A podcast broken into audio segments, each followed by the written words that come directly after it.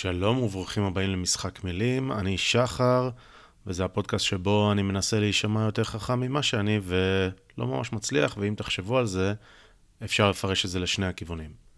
אני רוצה להתחיל את הפרק עם סדר וניקיון קצר, ולדבר על אי מתן אישור הכניסה או שלילת אישור הכניסה של שתי חברות קונגרס אמריקאיות, רשידה טליב ואילהן עומר. אה, אז דבר ראשון אני אגיד לגבי האם זה היה חכם או לא חכם. אה, שמעו, הזמן יגיד, אבל צריך רק לזכור שהיה מדובר פה בשתי אופציות רעות, כן? או להסתכסך עם אה, נשיא הברית, שברגע שהוא צייץ על זה, זה הסתכסכות איתו. וכמו שאנחנו יודעים, נשיא הברית היום הוא קצת uh, תינוק מגודל, וכנראה שלא כל כך uh, טוב להסתכסך איתו ברמה האישית. בנוסף, uh, תוך כדי ההסתכסכות איתו, זה לקדם שתי חברות קונגרס ולתת להן לקדם את האג'נדה שלהן, שהן עוינות מאוד, שלא לומר יותר מכך, מקדמות BDS, וילכו, יצטלמו במחנות פליטים, בפנים חמורות סבר, ולתת לקמפיין שלהן להצליח. זאת הברירה הראשונה. מהצד השני, אה, זה להסתכסך עם המפלגה הדמוקרטית, שהיא גם ככה כבר, תרצו או לא תרצו, מתרחקת ומסתכסכת עם ישראל בחלקים גדולים שלה, ול...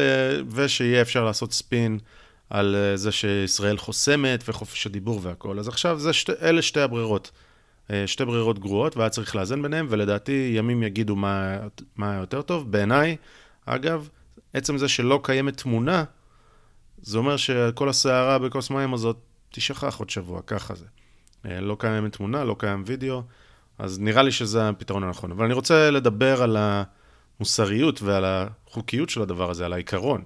ברמת העיקרון, אין שום בעיה מוסרית לאסור כניסה לאף אחד מהארץ, אה, גם לא לחברות קונגרס, למחוקקים, וגם לא ממדינה ידידותית. איך אני יודע את זה? דבר ראשון, אה, לא רק ישראל עושה את זה, גם הברית עשתה את זה. אובמה, ממשל, ממשל אובמה אסר כניסה למיכאל בן ארי. משטרת אה, בריטניה לא מאשרת עד היום למשה פייגלין להיכנס, ויש לנו כל מיני מחוקקים מכל מיני מדינות שקוראים לא להכניס מנהיגים ומחוקקים ממקומות שונים, כמו מרב מיכאלי ותמר זנדברג, שקוראות לא להכניס את אורבן, לא להכניס את uh, ויקטור אורבן, לא להכניס את בולסנארו, לא להכניס את טראמפ, uh, וזה קורה גם בבריטניה שקוראים לא להכניס את טראמפ ואת אורבן, וזה קורה גם בארצות הברית. אז אוקיי, זה קורה. הדבר השני, הוא שיש חוק כזה. בישראל יש חוק שאומר שלא לא נותנים אישור כניסה למי שמקדם BDS. לשר הפנים יש סמכות ל... לעשות override על החוק הזה. בחוק, אגב, יש לו סמכות לזה, אבל זה לשון החוק. עכשיו, שתי חברות הקונגרס האלה הן חד משמעית מקדמות BDS, זה לא קונספירציה, זה מה שהן אומרות. זה מה שהן מקדמות בחוקים בארצות הברית שהן מנסות לקדם. לכן זה לחלוטין כלשון החוק. אבל אוקיי, אנחנו לא מדברים על חוקים, אנחנו רוצים לדבר על מוסר, אז הנה משל שיסביר את המוסר. אני, יש לי בית ויש לי משפחה בבית, ואני מקבל את כל מי שמגיע ורוצה להיות לא אלים בבית שלי, הוא יכול להיכנס, אהלן וסהלן, נשתה קפה, נאכל אה, אוכל טוב, הכל בסדר. גם אם אני לא מסכים עם, עם, עם מישהו כזה, ייכנס, נדבר, יהיו לנו חילוקי דעות, אחלה. בבית שלי, זה מה שאני רוצה לעשות. אבל כמובן שמי שאלים, אני לא רוצה להכניס לבית שלי, זה דבר אחד. והדבר השני, יש מישהו שהוא בדיוק אה, פנה לעורך דין, שמנסה להחליף את שמי בטאבו. כלומר, הוא רוצה לקחת לי את הבית בטאבו. אה, הוא חושב שהבית הזה לא אמור להיות שלי, וזה אמור להיות של מישהו אחר, ועכשיו הוא רוצה להיכנס ולבוא ו... ולשתות איתי קפה. אז יש לי זכות, סמכות, זכות לא לקבל אותו אצלי בבית ולא לשתות איתו קפה. אז זה המשל, ולכן זה מוסרי לה, להגיד שמי שרוצה להחרים את ישראל, ונלחם בישראל בעצם בדרכים האלה, זו דרך לחימה בישראל, לחימה דיפלומטית, אה, אז אני לא רוצה לשתף עם זה פעולה, ויותר מזה, אני מתגונן בפני זה וחוסם את זה.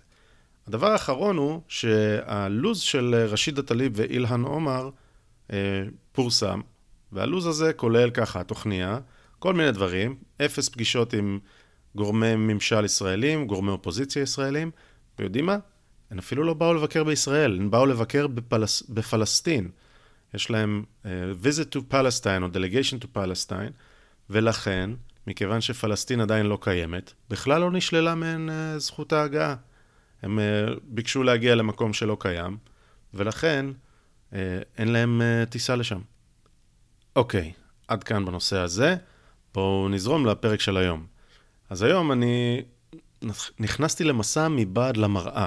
למה? כי היום אני מדבר עם שובל טירמן. שובל הוא היוצר, המפיק, וכל התפקידים האחרים בעצם של הפודקאסט דיוני שכל. אז דיוני שכל, הדבר ראשון, יהיה לינקים פה להירשם ולעקוב אחרי הפודקאסט, אחלה פודקאסט, ממליץ לכולם להאזין. אבל זהו פודקאסט שבעצם, אם תסתכלו על התיאור שלו, יש לו משימה מאוד מאוד דומה לפודקאסט שאתם מאזינים לו כעת, למשחק מילים. אה, ממש אותם דברים שמעסיקים את אה, שובל, אולי לא בנושאים, אלא בקונספט, למה הוא עושה את הפודקאסט ומה המשימה שלו. אבל ההבדל היחיד הוא שאנחנו נמצאים בפרספקטיבה, בתפיסת עולם שונה. אז לכן רצינו לצלול לדברים האלה, לאי ההסכמות, ולנסות ללבן אותם. והיה לנו תכנון לדבר על המון המון נושאים, בסופו של דבר, השיחה כולה התמקדה סביב נושא אחד, מכיוונים שונים וזוויות שונות, והנושא הזה הוא כמובן הסכסוך הישראלי-פלסטיני. אז אני מאוד שמח שדיברנו על זה, כי זה משהו שאני רוצה לדבר עליו כבר הרבה זמן, ולהביע גם את דעתי ועמדתי. אז הנה, סוף סוף הייתה לי הזדמנות לעשות את זה יחד עם שובל, ואני נהניתי מזה מאוד, ואני מקווה שגם אתם תהנו ותמצאו את זה בעל ערך. אז תזכורות אחרונות, א', להירשם לדיוני שכל, הלינקים נמצאים בתיאור פה למטה. שתיים, רק הערה קטנה, השיחה הזאת היא שיחה של שעתיים, ואת, וזה אמור להיות שיחה ארוכה שבה מדברים על דברים לעומק, וכך קורה, אבל עדיין הנושא הוא כל כך גדול, שאנחנו פותחים פה כל מיני נושאים ומשאירים קצוות פתוחים, ולא מצליחים, לא מספיקים לסגור אותם למעגל. כל מיני אנקדוטות ודברים שעולים לא נסגרים. אני בטוח שבעתיד, מתישהו נתייחס אליהם שוב ונסגור אותם, אבל רק רציתי להביע את, אה, את התחושה הזאת שלי, שהשארנו שם כל מיני דברים ככה באוויר, מבחינתי לפחות, כל מיני הערות שאני זורק, שלא סגרתי אותן עד הסוף. בסדר, אה, תמשיכו להקשיב ונגיע אליהן, וכמובן שתנו פידבק מתי שאתם רוצים. יפה. אז בלי עיכובים נוספים, הנה השיחה שלי עם שובל טירמן, קדימה, זה הזמן לשחק את המשחק. Time to play the game. Time to play the game.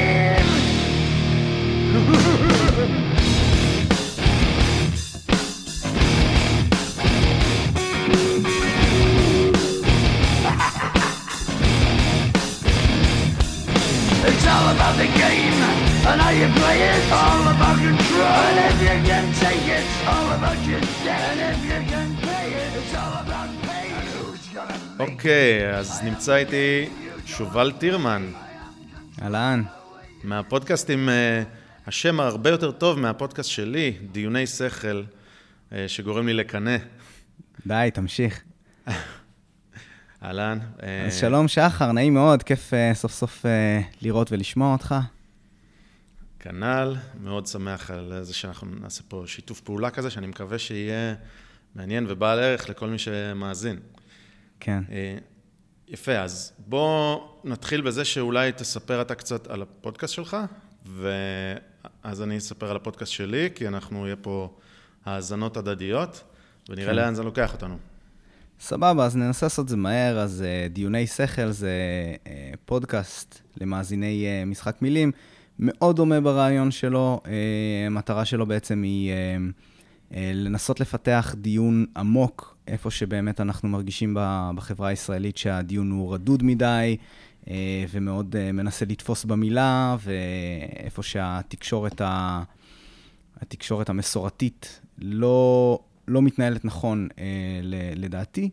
ובעצם מתוך השפעה גם של כל מיני פודקאסטים בארצות הברית, ששמים את חופש הביטוי באמת במרכז. אה, והמטרה שלי פשוט הייתה בעצם תכלס מעין אה, תירוץ לנסות למצוא כל מיני אנשים מעניינים ול, ולהיכנס איתם לדיונים עמוקים. השם בעצם דיוני שכל נועד בעצם כדי uh, להסביר ש, שמדובר פה בדיון ולא בריאיון ולא בדיבייט, אלא בעצם אם מדובר במישהו שאני לא מסכים איתו, לנסות אולי למצוא על מה כן מסכימים ו- ולהמשיך משם. מישהו שאני כן מסכים, לנסות דווקא להפך, אולי למצוא איפה אנחנו קצת uh, שונים, כמו שבטח יהיה פה עם uh, שחר. Uh, הפודקאסט רץ קצת מעל שנה. אני עושה הכל לבדי, זה מאוד עצוב. וכן, זהו, שמח ש... שנפל בחיקי ככה לשתף פעולה עם פודקאסט נפלא כמו משחק מילים. מעולה, אז אה, אני שחר ממשחק מילים, חוץ מזה שאני חותם על כל מילה ש... שנאמרה פה על ידך, שובל. אה, אני אה, עורך את הפודקאסט הזה, מקיים אותו יחד עם אח שלי, זוהר, שהיום הוא לא נמצא, הוא לא איתנו בשיחה הזאת. והמטרות הן ממש זהות, אני אוסיף רק שני דברים קטנים. הראש... הדבר הראשון הוא שקצת נמאס לי שמזלזלים בי, כלומר גם התקשורת, גם הפוליטיקאים חושבים, טוב, נ... ננגיש את זה להמונים. א', אני לא חושב שההמונים הם כל כך, אה, אה, נדרש לעשות את הכל שטוח כל כך בשבילם, וגם אני רוצה שהדברים יהיו לא שלוחים בשבילי. בואו תעשו משהו בשבילי, אז הרגשתי שאני צריך לעשות את זה. אה, והדבר האחרון שאני אגיד, שהוא מתקשר לדבר הקודם, הפודקאסט עושה, אה, מדבר על דברים שמעניינים אותנו, אה, את זוהר ואותי. בגדול, אנחנו, אני עושה את זה בשבילי, ואני מקווה שזה יהיה מעניין לאנשים נוספים. אני חושב שאולי אתה תתחבר לזה גם. אז, אז באמת זה ממש, אני, אני לא ארצה לדבר על דברים שלא מעניינים אותי, כי, כי באמת הדיונים, השיחות האלה, צריכות אה, לחדור לעומק ו- ולחפור, כן. אה, כמו שאתה אומר בהקדמות שלך. אה, כן. אז אחלה, מאוד, מאוד שמח, מאוד נרגש לעשות את השיתוף פעולה הזה, ויש עוד הרבה, מאז שהתחלנו את הפודקאסט הזה לפני כחצי שנה, נחשפתי לעוד כל מיני פודקאסטים בעברית.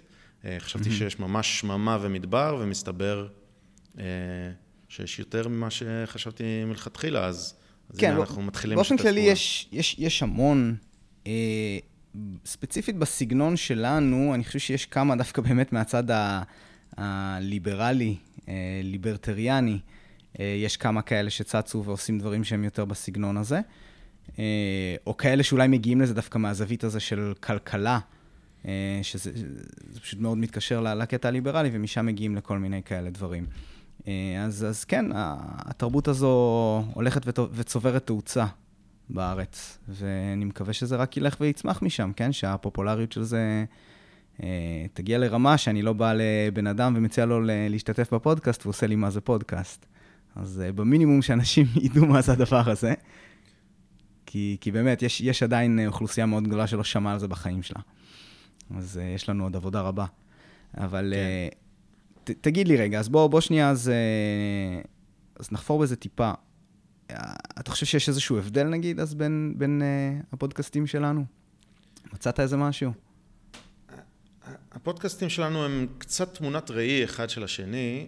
אה, אנחנו לא נמצאים בקצוות, אנחנו יחסית קרובים למרכז, מה, מה זה המרכז, עוד שנייה נדבר, אבל אנחנו נמצאים קרוב למרכז משני צדדיו, אני חושב, גם בא, אולי קצת בנושאים, גם אולי ב... בצורת ההנגשה אנחנו די דומים, אה, אבל לכל אחד, לכל בן אדם יש איזושהי הטיה, וההטיה שלך ושלי, אני חושב שהיא קצת שונה, mm-hmm. ולכן, ולכן הפודקאסט הוא אותו דבר, רק, רק אה, מקבלים, מי שמאזין למשחק מילים ולדיוני שכל, מקבל פרספקטיבות שונות, שאני חושב שזה mm-hmm. אחלה, ואני חושב שזה חלק מה, מהסיבה ש... שהשיתוף פעולה הזה, שהפרק הזה יצא ונדבר על, על, ה, אה, על חלק מהדברים שאנחנו אולי כן. פחות מסכימים ו, ו, וננסה להבין מה כן. כן, אוקיי, אז נראה לי שבאמת הכיוון הטבעי ללכת זה באמת לדבר על הקטע הזה של אה, ימין ושמאל. כי אני עד היום, אה, על אפם וחמתם של הרבה מאוד שמאלנים, מגדיר את עצמי כשמאלני.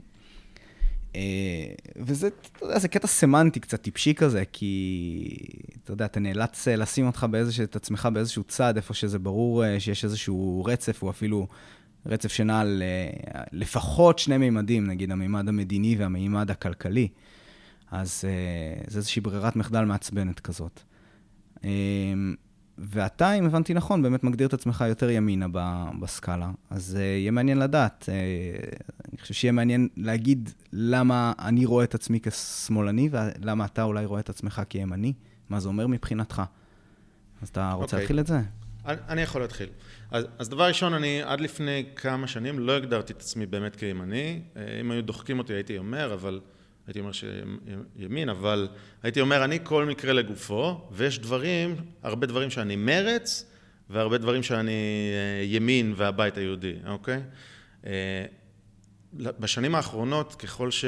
אגב, זה, זה, זו הייתה התשובה שהייתי אומר, אני חושב שהיא באמת כלואה בעולם המונחים הישראלי, mm. ולשעתה זו הייתה התשובה הנכונה מבחינתי, אבל בשנים האחרונות אני השכלתי קצת ולמדתי קצת כל מיני דברים, והבנתי שכל הדברים שהייתי אומר על עצמי שאני מרץ, כלומר, אני ליברלי ואני נותן לכל, רוצה שכל אחד יעשה מה שהוא רוצה והכל, mm-hmm. וגם, וגם כלכלית, דברים שחשבתי שאני מרץ, בעצם הבנתי שזה הפוך ממרץ. ומצאתי את עצמי שעדיין רוצה לענות את אותה תשובה, אני בכלל לא ימין, אני כל מקרה לגופו, אבל מצאתי את עצמי שכל תשובה שלי, אחרי שלמדתי את עולם המנוחים, באמת, אה, כמו שאני מכיר אותו היום, של, של ליברל, ליברטריאן, mm-hmm. זה משהו שהוא ימין, אה, צמצום מעורבות ממשלה ולתת לכל, לכל אחד את החופש וזה, זה משהו שהוא ימין. אז מצאתי את עצמי תקוע בימין. אה, זהו, זה, זה לא משהו שמגדיר אותי, אני מקווה. ו, וזהו. עכשיו, מה, מה זה ימין ושמאל? שוב, השיח ב, בישראל ועולם המונחים בישראל הוא, הוא בעייתי. אה, כי זה באמת מוגדר חד-ממדית. אתה אמרת שיש לפחות שני ממדים ואני מסכים איתך. בישראל הוא... בישראל יש מימד אחד שנעלם, שהוא המימד החברתי-כלכלי, והמימד, מה שקובע אם אתה ימין או שמאל, זה mm-hmm. בגדול בעד מדינה פלסטינית או נגד מדינה פלסטינית, משהו כזה. אז שם כן. אני ימין. כן. תמיד hmm. הייתי. מעניין, זהו, אני, אני תהיתי באמת איפה אתה שם את, ה, את הסיכה הזאת כדי uh, להגדיר איפה בדיוק עובר הקו. אז אתה אומר שזה במי שבעד מדינה ונגד מדינה פלסטינית. אני, אני, יכול, לק... אני יכול לקבל את ההגדרה הזאת. Um, זהו, אז מהצד אז... שלי זה באמת, כי, כי ההגדרה שלי כשמאל היא באמת בעיקר uh, בקטע המדיני. ולגבי עניין המדינה, אני מנסה לחשוב כמה זה, כמה זה קריטי לדעה שלי, אבל בסופו של דבר, אני חושב שאני מגדיר את עצמי בצד של השמאל, כי אולי אני רואה את עצמי קצת יותר uh, בצד הנאיבי מבחינת הסכסוך. אני חושב ש... Um, לסיים את הסכסוך זה אינטרס um, כלכלי, מדיני, ביטחוני, זה אינטרס מובהק של מדינת ישראל, בראש ובראשונה. אמ, אני חושב ש... שבעצם המטרה, המטרה הגדולה ביותר שלי, נגיד, אה, מבחינה, אה, מבחינה פוליטית, זה לסיים את הסכסוך. עכשיו, איך אפשר לסיים אותו? פה אני לגמרי אה, נתון ל, ל, לשכנוע. הרעיון הזה של השתי מדינות לשני עמים הוא מאוד אה, קורץ לי בעיקרון. כמה הוא ישים, אני פחות יודע, אבל אני אגיד לך איפה, למה עוד נגיד אני שם את עצמי בצד של השמאל? כי אני חושב שבאמת לימין, בטח בארץ, יש גוון אה, שהוא נלקח בעיקר מה, מהציונות הדתית של, ה, של אה, משיחיות כזאת. ו... קשה להאמין שאתה מתחבר לזה, ותכף אני אשמח אם תגיד איפה אתה עומד בקשר לזה, אבל ארץ ישראל השלמה לא קורץ לי בשום צורה, למעט הצרכים הביטחוניים של ישראל. עניין ירושלים, אני חושב שהיסטורית זה נחמד שזה עיר הבירה שלנו. אין לי כאן עיקרון חזק מדי, זה גם... הסיבה, נגיד, שאני לא הייתי רוצה לוותר על ירושלים, היא כי אני לא חושב שזה פרודקטיבי. כאילו, אם נגיע למצב שהפלסטינים אומרים, אה, ירושלים סופר חשובה לנו ואנחנו רוצים אותה, ועד שלא נקבל את זה לא ניתן לכם שלום, אז זה לא מקום טוב לגשת ממנה. כאילו, מה זה לא ניתן לכם? זה אינטרס של שנינו. אה, אנחנו צריכים להגיע פה לאיזשהו פתרון. והסיבה שאני לא ארצה לוותר על ירושלים זה לא בגלל שהיא קדושה לנו, אלא כי, כי אני לא חושב שמודל הסכם שבו אנחנו צריכים לוותר על ירושלים, הוא מודל הסכם שהוא, שהוא הגיוני באיזושהי צורה. Okay. אה, טוב, נראה לי אני קצת דיברתי על זה מספיק, לא. אז אה, כן. מעולה, אני חושב שישר צללנו לנושא הזה, וזה מצוין. אני חושב שזה באמת הנושא שבו אתה ואני נהיה משני שני הצדדים, ובואו ננסה לנתח את זה. אמ, אז אז דבר ראשון, לגבי הפרקטיקה של שתי מדינות לשני עמים, האם זה ישים או לא, אני חושב שזה, שוב, מי שבשמאל והיום אומר, בסדר, זה לא ישים, ו, וזה, זה, זה איזושהי תובנה שנפלה על השמאל, בוא נגיד, בעשור האחרון, אולי מאז ההתנתקות, ו, וזו תובנה שהייתה בימין, אני חושב, מההתחלה, שזה, שזה wishful thinking וזה רק... רק אה, יסבך אותנו יותר. אבל בוא רגע, אני רוצה לקחת אה, עוד, עוד צעד אחורה. 아, אה, אגב, אני לא חושב שזה לא ישים, כן? אבל בוא, בוא תמשיך לדבר ונראה אוקיי, בדיוק אוקיי, אוקיי. למה הכוונה. בסדר, בוא, בוא ניקח עוד צעד אחורה. יש... אה, הגישה בעיניי של אנשי... בוא, בוא אני אנסח את זה אחרת. כולם רוצים שלום, בסדר? Mm-hmm. לטעון שיש מישהו שלא רוצה שלום, שרוצה מלחמה, אני חושב שזה איש קש. ברור שיש קיצוניים בכל צד, בסדר? Mm-hmm. אם הם מוסלמים, אה, יהודים, נוצרים, צ'רקסים או הינדים, בסדר? יש קיצוניים, בו מי שלא מקובל, מתקבל בכיכר העיר, אז הוא לא רלוונטי, בסדר? אני אומר, ב, גם בימין וגם בשמאל הישראלי בטח, אה, רוצים שלום. עכשיו השאלה, מה יביא את השלום הזה, ומה שה... ימין בגדול טוען, או אני, בסדר? אני, אני, לא, אני קצת לא רוצה לסנגר על הימין, אני רוצה לסנגר על עמדותיי. Mm-hmm. מה שאני טוען זה שכל הניסיון, ניסיון אה, להתפשר בצורה מהירה עכשיו מלמעלה, זה, זה רק מרחיק את השלום. זה רק אה, אומר, או, oh, הנה היהוד, היהודים מבינים כוח, בואו עוד כוח, נפעיל עוד כוח ונקבל יותר, mm-hmm. וזה ממש אמפירית, אפשר לראות את זה, ו... וניתן אחר כך דוגמאות. ולכן צריך לא, לא רק להפגין כוח, אלא להפגין צדק. וזה מתחבר למה שאתה אמרת. אתה, אה, ארץ ישראל השלמה לא מעניין אותך, וגם ירושלים לא, לא, לא מעניין אותך, חוץ מביטחון. אתה בעד סידורי ביטחון, ובעצם אין לך, אין, אין לך הצדקה להיות פה. אז למה אתה פה? בוא ת, תלך, ניתן לך טריטוריה ב, ביוון, באוסטרליה, בארצות, בארצות הברית. היו הצעות לאוגנדה, לארצות הברית, לפני mm-hmm. הקמת המדינה. אתה רוצה סידורי ביטחון, הנה נעשה לך סידורי ביטחון, בובה, אוקיי? Mm-hmm. אני טוען, יש לא רק צדק, לא רק ש, שיש לנו זכות להיות פה, זה, זה יביא אותנו לדיון הרבה יותר עמוק, שאני לא יודע אם, כאילו, יש פה okay. כבר, אוקיי. אה, אולי יהיה קצת סלט, אבל אני טוען שיש חשיבות לא רק לצדק, חשיבות גם לזהות שלך היהודית. Mm-hmm. את, את, אתה בעצם חוליה בשרשרת, וזה יישמע פילוסופי, אבל חוליה בשרשרת שמחברת בין אבות אבותיך לניני ניניך, mm-hmm. ויש לכם איזשהו חוזה לא כתוב. ואם אתה תשבות השרשרת, אז ניני ניניך יהיו אבודים. לא, לא זה שהם לא יוכלו להתקיים וזה, פשוט בלי, בלי זהות, בלי איזשהו אה, אה, חיבור אה, לאנשהו, זה, לא, זה לאו דווקא קרקע, חיבור ל, לקבוצה, ללאום, לאיזושהי מטרה שהיא מעבר ל... בוא נביא את המשכורת החודשית הבאה, תהיה בעיה. עכשיו, אני באמת חושב שאת הקייס הזה, אני אקח לי זמן לבנות פה, ואנחנו יכולים להמשיך לחפור על זה.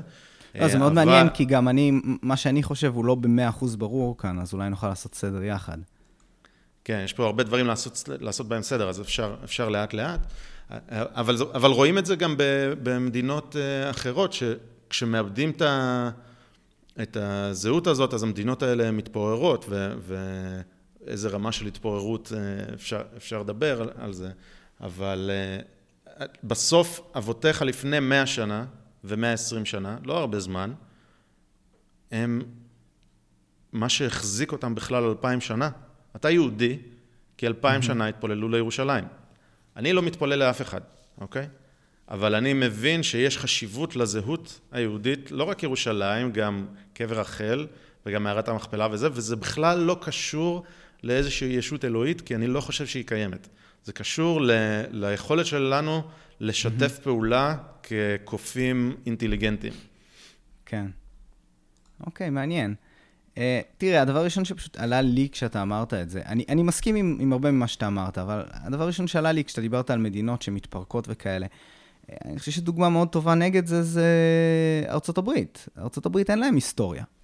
כן, זו מדינה חסרת היסטוריה לחלוטין, הם הגיעו מכל מיני מקומות, בסדר, כמות יחסית גדולה מאנגליה, ממדינות אירופה, אתה יכול לטעון אולי שיש כאן איזושהי הומוגניות, אבל המדינות האלה באירופה היו אויבות uh, לאורך גם uh, מאות שנים.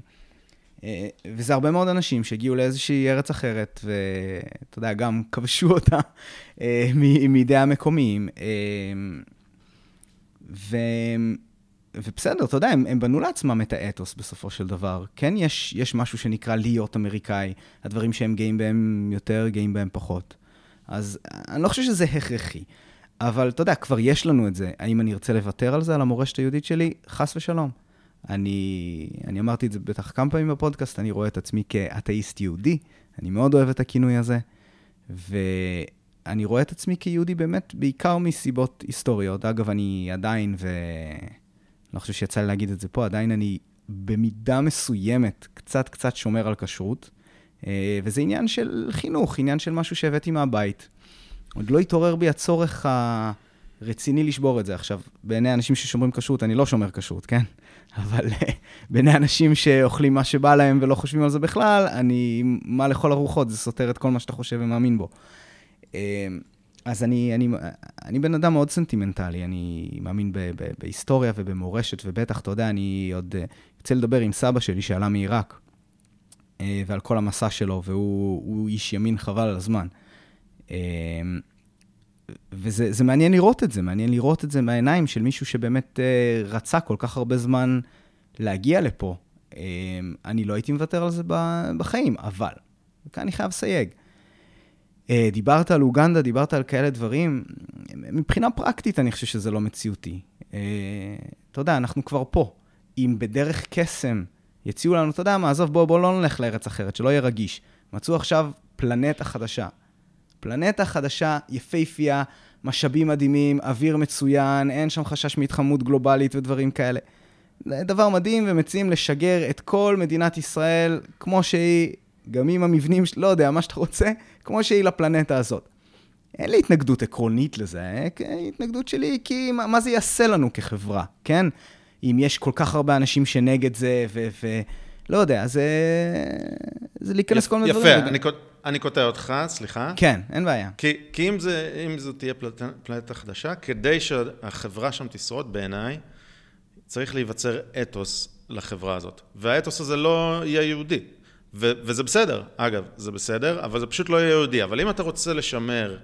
אה, אם אתה בעד שתהיה מדינה יהודית, אתה חושב, זה חשוב לך, אתה שומר כשרות, אתה רוצה שסבא שלך, ש, ש, שהוא וכל המשפחה שלו וכל זה, מה שהם פיללו, אתה רוצה עדיין להמשיך להגשים את זה בגופך ולהעביר את זה הלאה, אז, אז הפלנטה הזאת היא כבר לא, כבר לא רלוונטית, וזה מביא אותי בדיוק לארצות הברית, כי ארצות הברית זה הפלנטה החדשה, בסדר? העולם החדש. Mm-hmm.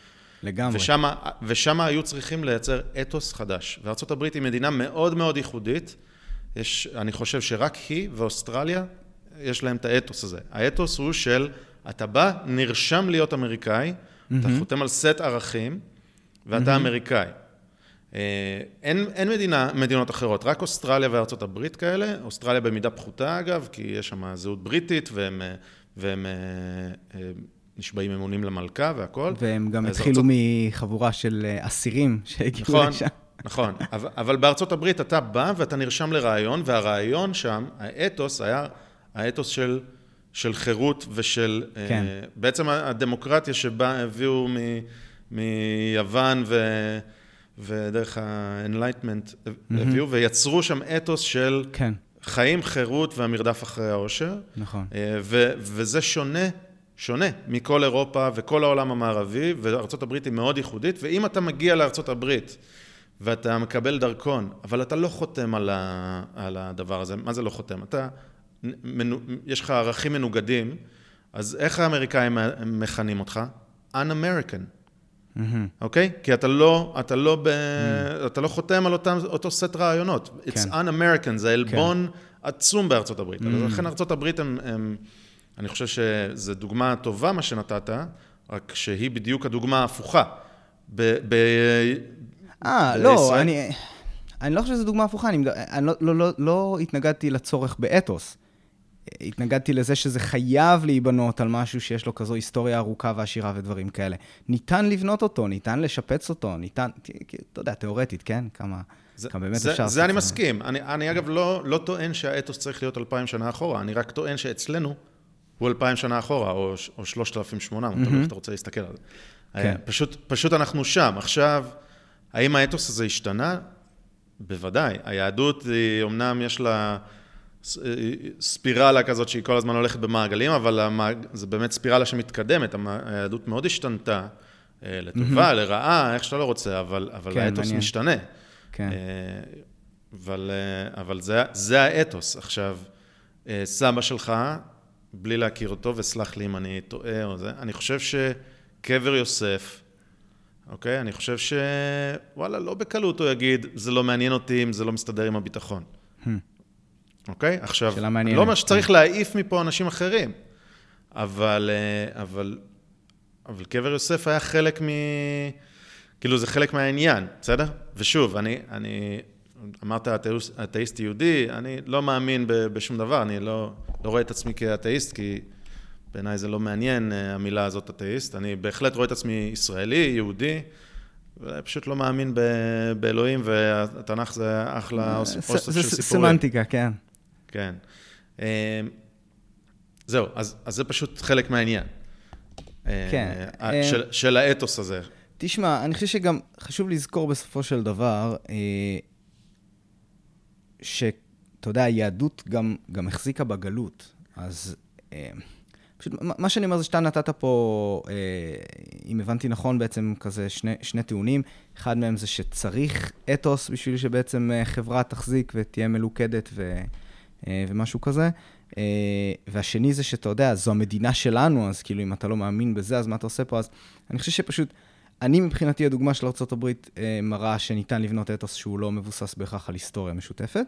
והדוגמה דווקא של היהדות, שהייתה אלפיים שנה בגלות, מראה שניתן לקיים גם יהדות וערכים יהודיים וחברה יהודית גם מחוץ לארץ ישראל. ואני רק, אני, אני אסיים את זה בלהגיד שבעצם הערכים האלה של הליברליות ושל ה, אמ, של הנאורות בעצם הגיעו ממש בצורה חזקה אל תוך היהדות.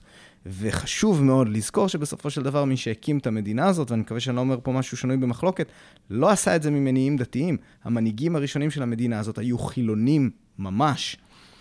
ומה שהניע אותם זה אותם ערכים של נאורות, כמובן שהם היו מתובלים בצד הכלכלי אולי בדברים שקצת אה, היו יותר קרובים לעניינים של אה, קומוניזם ועבודה ודברים כאלה, אבל, אה, אבל בסופו של דבר אלה היו ערכים חילוניים.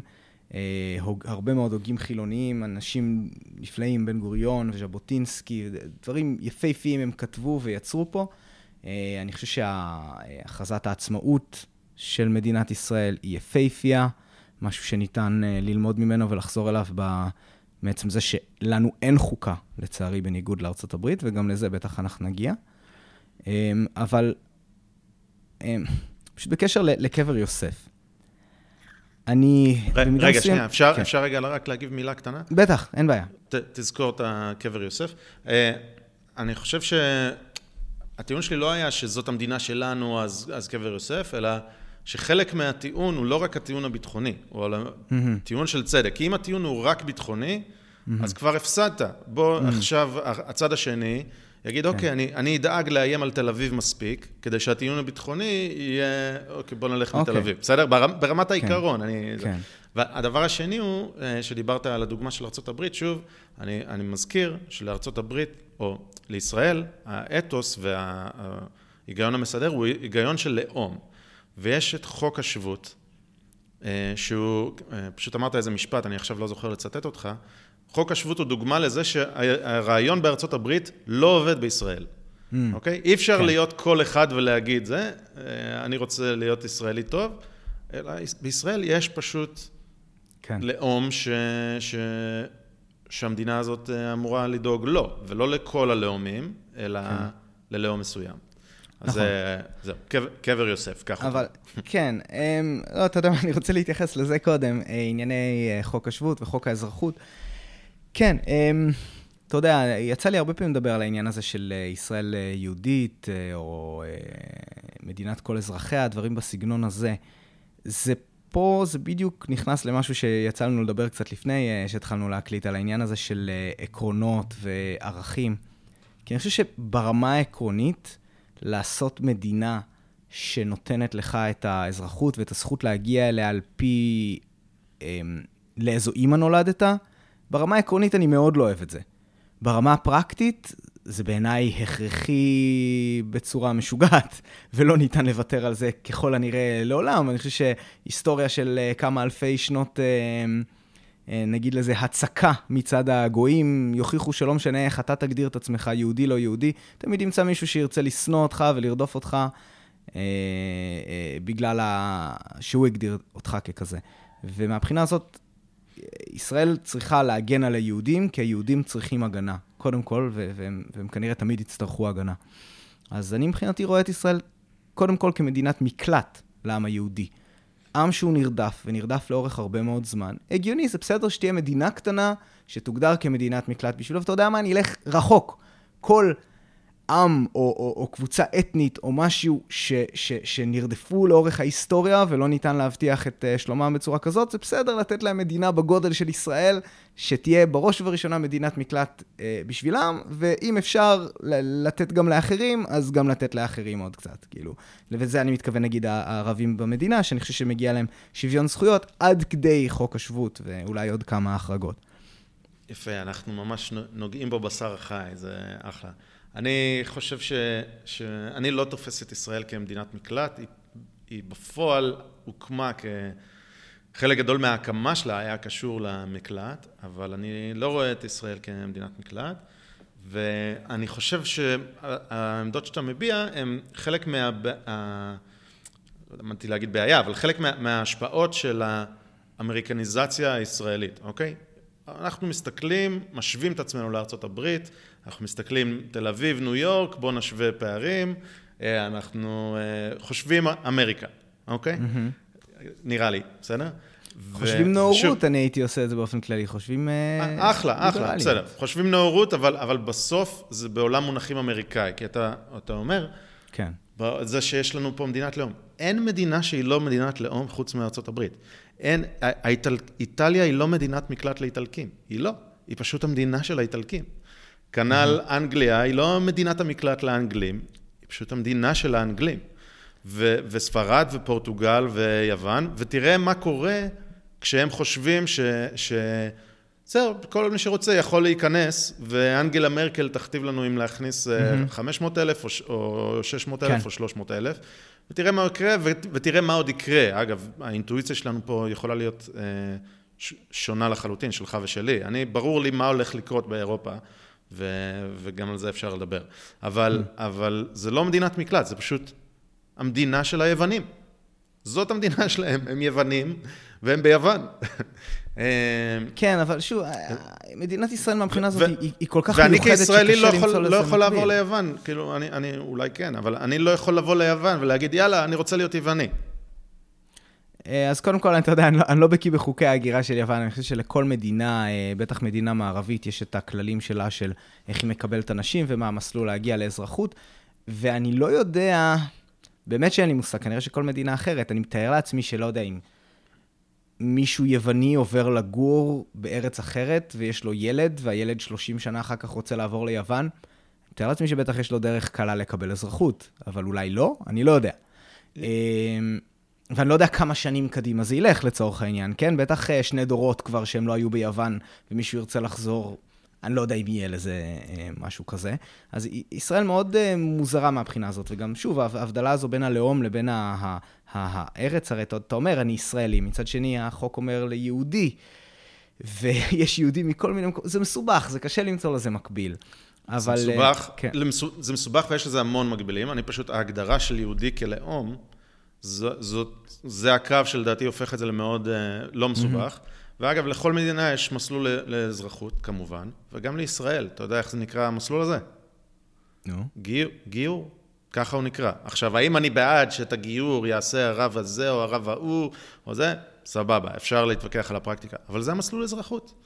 זה המסלול לאזרחות, ואגב, יש גם כל מיני מסלולים אחרים, אה, כאילו, אני, אני מניח, אבל זה המסלול הברור. כמו שבאנגליה יש מסלול שהוא אחר ודורש דברים אחרים.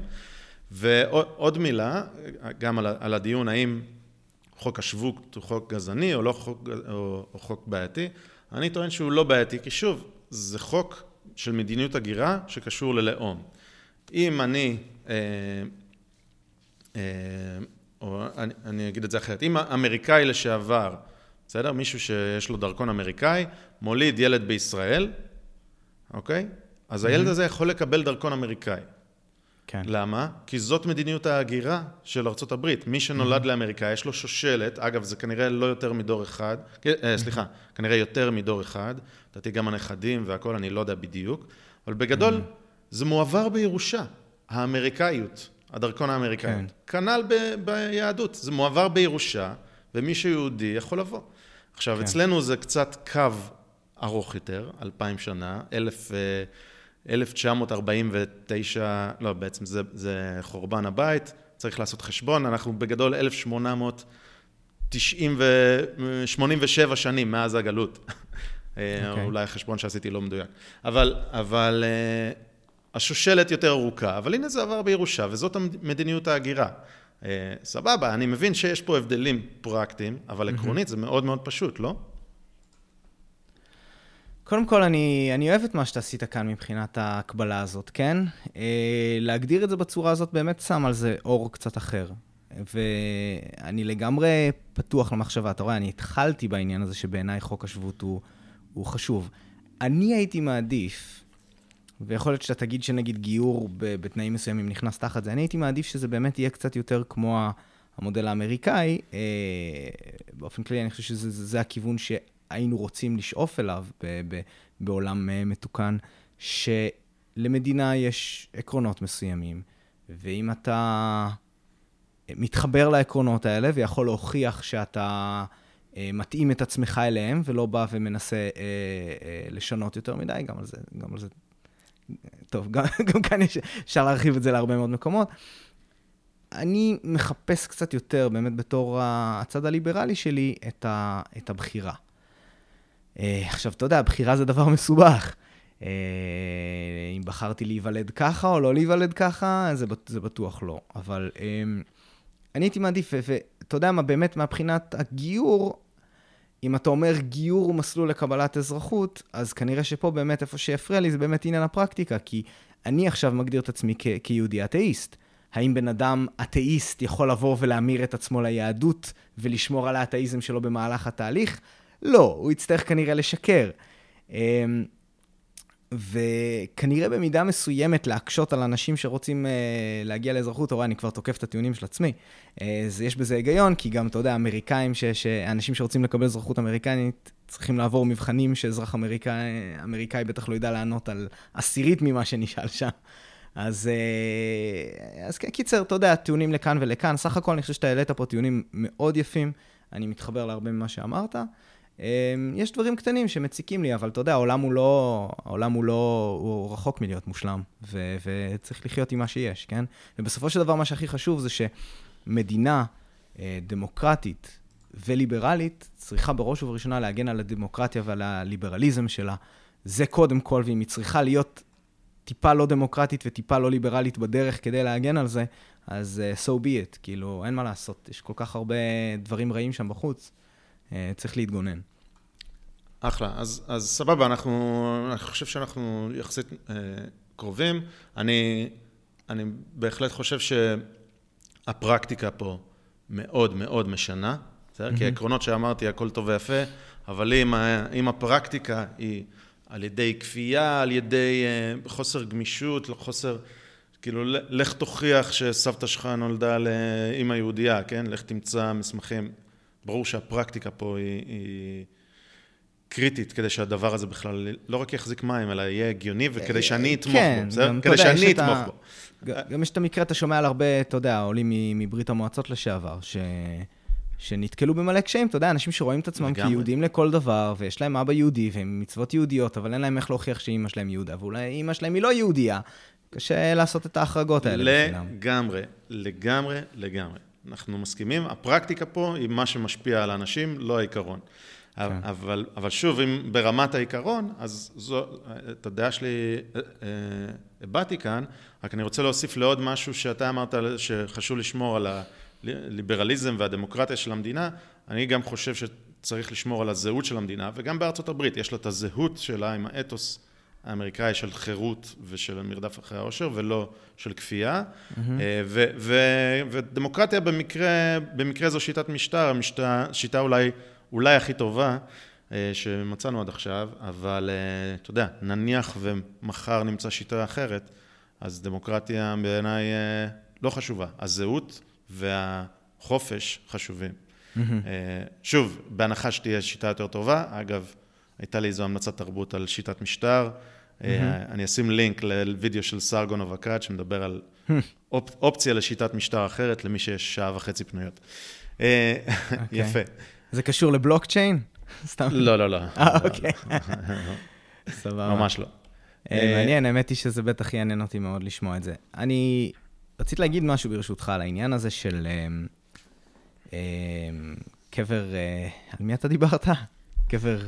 הזכרתי הרבה קברים, אבל בוא נגיד קבר יוסף. קבר יוסף, סבבה.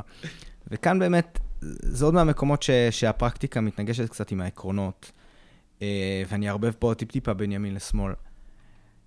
האם חשוב לי שקבר יוסף יהיה בתוך שטחי מדינת ישראל? אה, רעיונית, ממש ממש לא. אבל, יש פה אבל מאוד מאוד גדול. מבחינתי, בעולם אה, אידיאלי, בעולם שבו באמת יש את החופש ויש את השלום וכאלה, זה לא צריך לשנות. אז בסדר, אז נגיד שקבר יוסף יוצא שאתה יודע, בסדר, אז הוא במרחק שעה וחצי נסיעה, וטכנית הוא תחת אה, שליטה של, אה, נקרא לזה, מדינה פלסטינית, אין שום סיבה בעולם שיהודי לא יוכל להגיע לשם כתייר ולהרגיש בטוח. ואותו כנ"ל, אתה יודע, מדברים הרבה פעמים, אה, יצא לי טיפה להתקיל באמת בצד שלי של השמאל אה, כל מיני אנשים, כי, אתה יודע, מאוד ברור שאם אנחנו מקימים אה, מדינה אה, פלסטינית, להרבה מאוד אנשים ברור שאתה יודע, הערבים הישראלים נשארים בארץ עם האזרחות והכול, לי זה מאוד ברור, ושצריך לפנות את ההתנחלויות, והתנחלויות, אה, צריך להביא אותם לכאן. אז אני אומר לעצמי, רגע, רגע, רגע, זה לא קצת סתירה? למה, אם בן אדם רוצה להישאר במקום שהוא רואה כקדוש וכחלק מזה, למה לא לתת לו להישאר שם? בסדר. אז הוא יהיה יהודי שחי במדינה של ערבים, הם צריכים להגן עליו ולשמור עליו ולתת לו את כל הזכויות שלו. למה זה נראה לנו כל כך ברור שאין שום סיכוי בעולם שנשאיר את ההתנחלויות כיישובים uh, עצמאיים כזה שם, תחת שלטון, כי יהרגו אותם תוך רגע. זה, זה נראה לנו כל כך ברור וזה, וזה מאוד מעצבן. Uh, כי מבחינתי אין, אין סיבה בעולם, אתה יודע, אפילו ב, ב, ב, עד היום באיראן uh, יש לך משפחות יהודיות שחיות. אחת מהמדינות העוינות ביותר ל, לישראל. בעיקרון, אני לא... מבחינתי, אתה, אתה יודע, חלק מהבעיה בלמסור שטחים מבחינתי, זה שוב, זה לא העניין של ארץ ישראל השלמה וכל מיני כאלה. העניין הרעיוני, שאנחנו צריכים לוותר על זה בשביל לקבל שלום, זה יש פה משהו שהוא מאוד מאוד עקום. דרך עקומה לגשת לזה. זה צריך לבוא מתוך אינטרסים משותפים של שני הצדדים, צריך למצוא מסלול שבו האינטרס שלהם ושלנו הוא, הוא כל כך מובהק, לשמור על השקט ועל דה פקטו על שלום, גם אם זה לא נקרא ככה, זה המסלול שצריך לעשות. אה, ויחד עם זה, כן, יש פה הרבה מאוד התנגשויות עם, עם מה שקורה בצד השני מבחינת אה, מנטליות. יפה, אז בוא אני אתחבר למה שאתה אומר, ואולי חלק ממה שאני אגיד יפתיע אותך, אולי חלק מזה גם, אולי, אולי חלק יעצבן כמה אנשים, אבל אין לי בעיה עם זה. אני, הנושא של מדינה פלסטינית, אני מאוד מתנגד היום. אבל אני לא מתנגד עקרונית.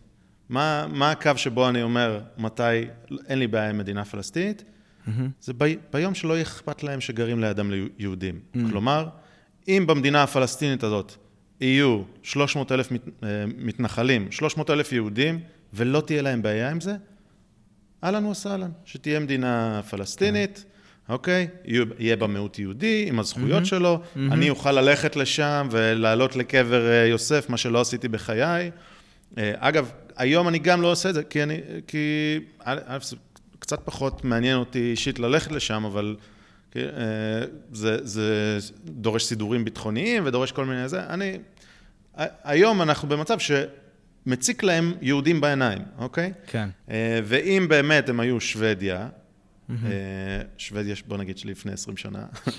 אה, והיה אפשר שיהיה גבול פתוח ושיתופי שכר ויהודים שיגורו שם וערבים שיגורו פה וזה. מעולה, דו-קיום, נהדר.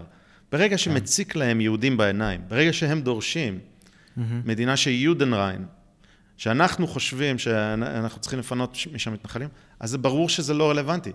זה ברור שלא אכפת להם אם זה יהיה נקי מיהודים בקו הזה בין קלקיליה בכפר סבא, אלא גם כפר סבא מפריע. גם כפר סבא רואים מקלקיליה וזה מפריע.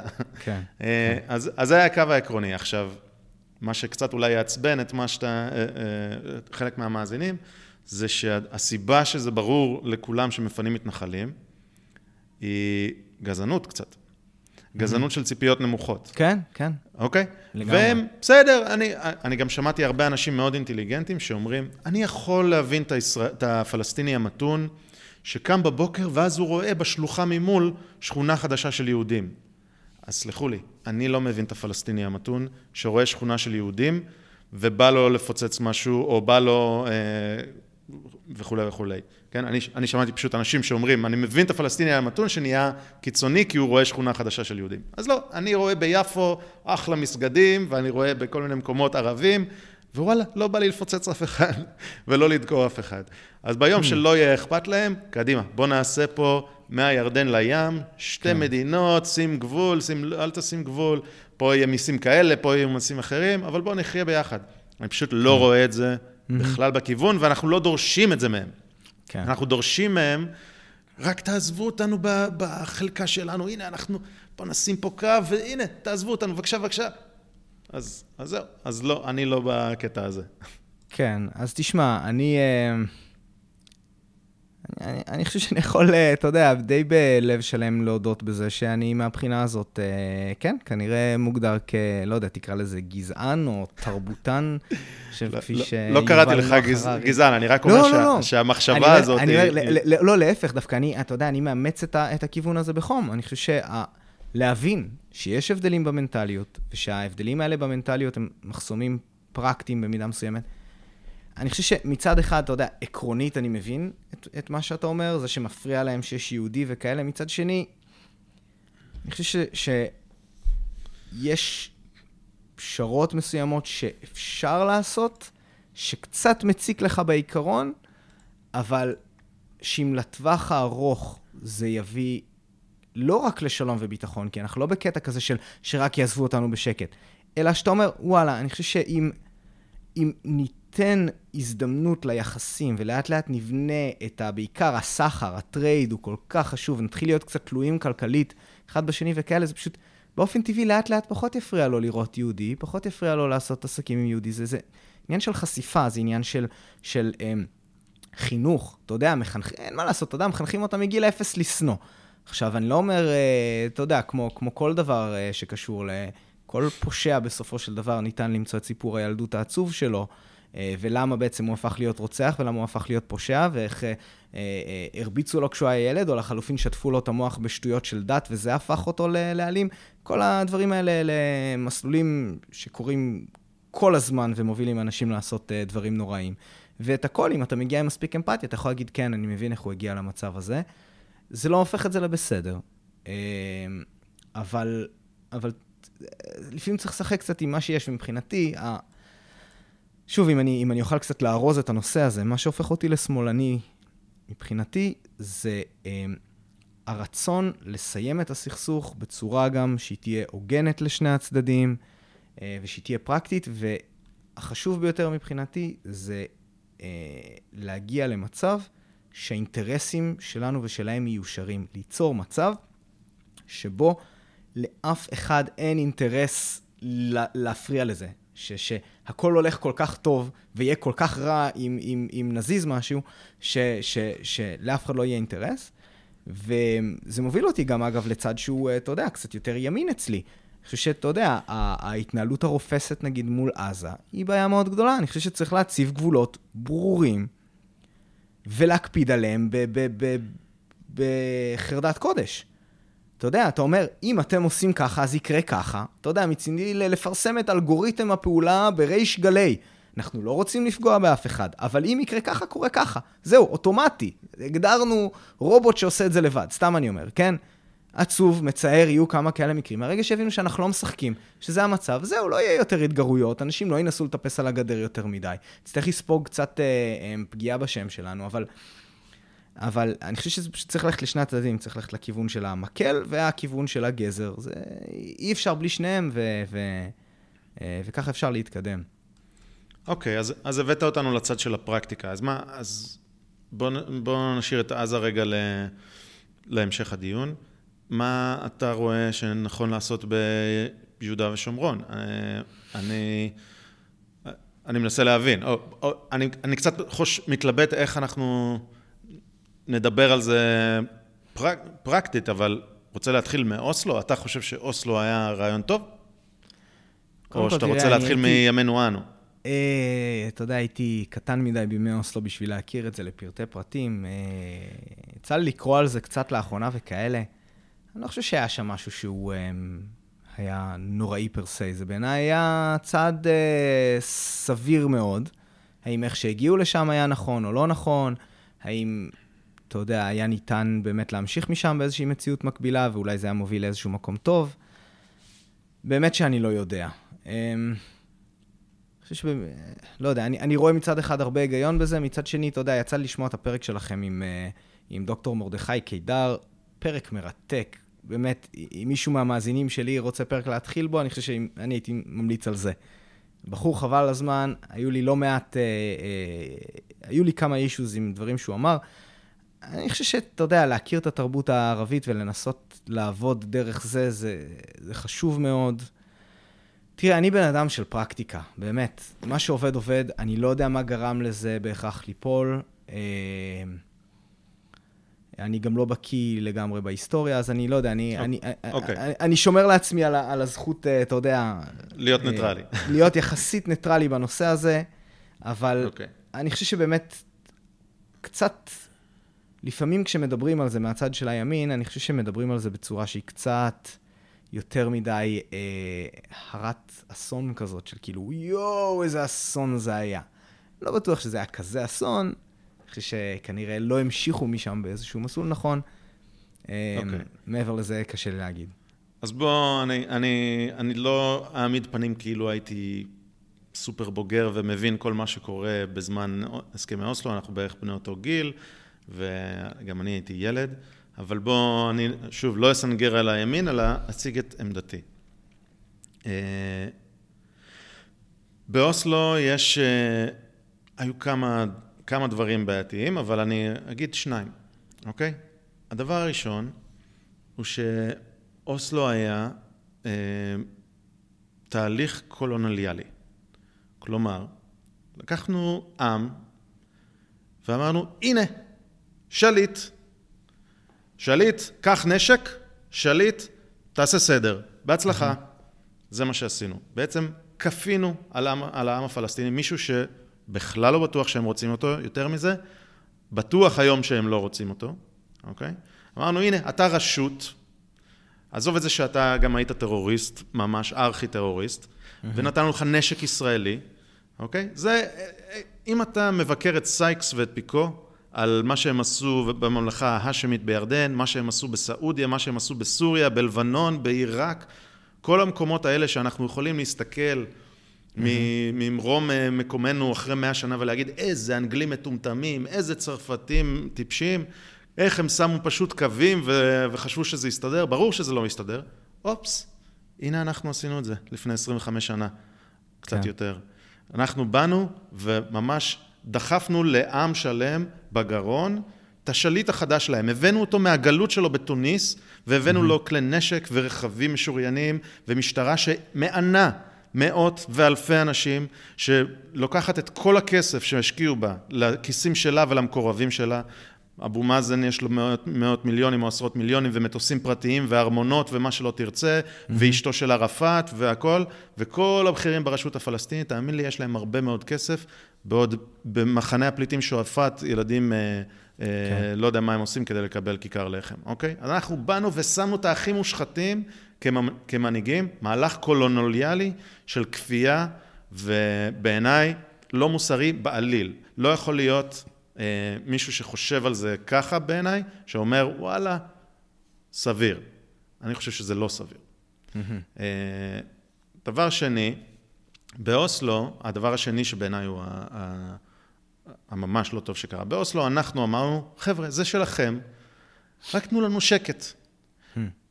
קחו, זה שלכם, אנחנו מכירים בזה שזה אתם, בואו ניתן לכם זה. עכשיו, אתה, אתה אולי תגיד, טוב, לא באמת אמרנו זה שלכם, רצינו להתפשר, פרקטיקה. בסדר? בואו אני אסביר למה אני אומר שאמרנו שזה שלכם. תחת הסכם אוסלו היה אה, סעיף שמדבר על אה, מורשת ועתיקות, אוקיי? וערפאת טבע שכל העתיקות שנחפרו על ידי ישראל מ-67 עד 92, הכל יימסר לידי הרשות הפלסטינית.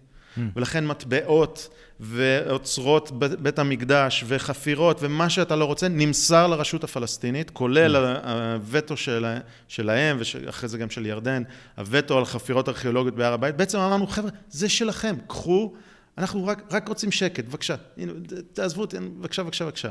אז איך, אם, אם אתה אומר לערפאת, הנה, אתה בעל הבית של העתיקות, של, אה, של דברים, רליקות של, של העם היהודי, אתה, זה שלך, הנה, קח. לקחנו את זה מאוצרות ומהאתרים הארכיאולוגיים וה, והמוזיאונים הישראלים והבאנו להם, אז ברור שהוא יגיד, אה, אני הצד המוסרי והם סתם, אה, אה, זה שלי. ככה הוא יגיד, וככה הצד הפלסטיני יגיד. אז יש, אלה שני הדברים, שני הצדדים, יש, עוד, יש לי עוד הרבה דברים שאני חושב שבפרקטיקה זה היה לא בסדר, אבל אלה שני הדברים העקרוניים שאוסלו בעיניי היה מבולבל. עכשיו בוא אני אגיד לך מה הצד, הצד הממש טוב של אוסלו. הצד הממש טוב של אוסלו הוא שלהזכירך, היה לו, גם הייתה התנגדות גדולה, אבל גם היה תמיכה גדולה, וגם, וגם אני בתור ילד, שזה הרגיש לי ככה זה, אבל אמרתי, יואו, איזה יופי, אולי אני לא אצטרך להתגייס לצבא, איזה יופי. Mm-hmm. ממש אנחנו היינו רוצים שזה יהיה אמיתי, וממש חווינו את אותה חוויה ב-2004, 2005. נו, אנחנו רוצים שהם יהפכו לסינגפור, אנחנו, רק תן לנו תירוץ כן. להאמין בזה, כן. ואנחנו כולנו מאמינים בזה. ואוסלו גרם לנו, וההתנתקות אחריו בצורה, ביתר שאת בעיניי, גרם לנו להתפכח ולהבין, אוקיי, משהו שם צריך להשתנות. כדי שאנחנו נוכל, אה, נוכל באמת לעשות את זה אה, בצורה טובה. והיום גם בשמאל הישראלי, אה, אנשים שפעם היו אומרים שתי מדינות לשני עמים, 67, דה, דה, דה, היום כבר מביך להגיד את זה בעיניי, קצת. כאילו, באותה מנטרה שאמרו לפני עשר שנים נגיד. כן. תראה, אני מבין, מה, אני מבין מה אתה אומר. אני חושב ש... תראה, קודם כל, אני חושב שהיה שם אה, באוסלו, העניין הזה של ההכרה בישראל אה, הוא משמעותי, כי יש אצל הערבים עניין מאוד מאוד חזק של לא להכיר בישראל, או לדבר עם ישראל, כל מיני כאלה דברים. מבחינתי, בראש ובראשונה, זה סממן לכך שכל הכללים האלה, של מה לעשות ומה לעשות, זה הכל בולשיט, זה הכל שטויות. מסביב להכל אפשר לעבוד. אז אם מישהו יבוא ויגיד לך, אה, אבל יש להם איזה משהו כזה שאומרים שלעולם לא להכיר בישראל. זה שטויות. מלא מדינות אמרו שלא יכירו בישראל, בסוף הכירו בישראל. אני אוהב להביא כדוגמה, וזה זה דוגמאות שיש להן בעיות, אבל אני חושב שהסכמי השלום שלנו עם ירדן ו- ו- ומצרים, הם אה, דוגמאות נפלאות שאנשים נוטים לשכוח. אתה יודע, אם בסופו של דבר אנחנו איבדנו בגבול המצרי, בסדרי גודל יותר אה, אה, אזרחים מאשר הגבולות שלנו עם הגבול הלא ברור עם, ה, עם הפלסטינים. במלחמות שלנו עם מצרים ועם ירדן, מלחמות עקובות מדם, נוראיות. אני מתאר לעצמי שבסוף אה, אה, מלחמת יום כיפור, אם אתה היית בא ל, לישראלי הממוצע ואומר לו, לדעתך יכול להיות אה, שלום עם מצרים ועם ירדן, אה, בחיים לא, הערבים האלה רק רוצים לרצוח אותנו, אין שום סיכוי בעולם. אה, והנה תראה, מצרים שרדה שתי מהפכות לא פשוטות של שלטון, והדבר הזה החזיק. בעיניי, אגב, זה לא כי הם אוהבים אותנו או משהו, זה פרקטי. זה עובד. ההסכם עובד, יש לנו אינטרסים, יהיה ממש קטסטרופה מבחינת מצרים להיכנס איתנו עכשיו uh, לסכסוך. כמובן שאתה יודע, זה שלום קר קיבינימט, כן?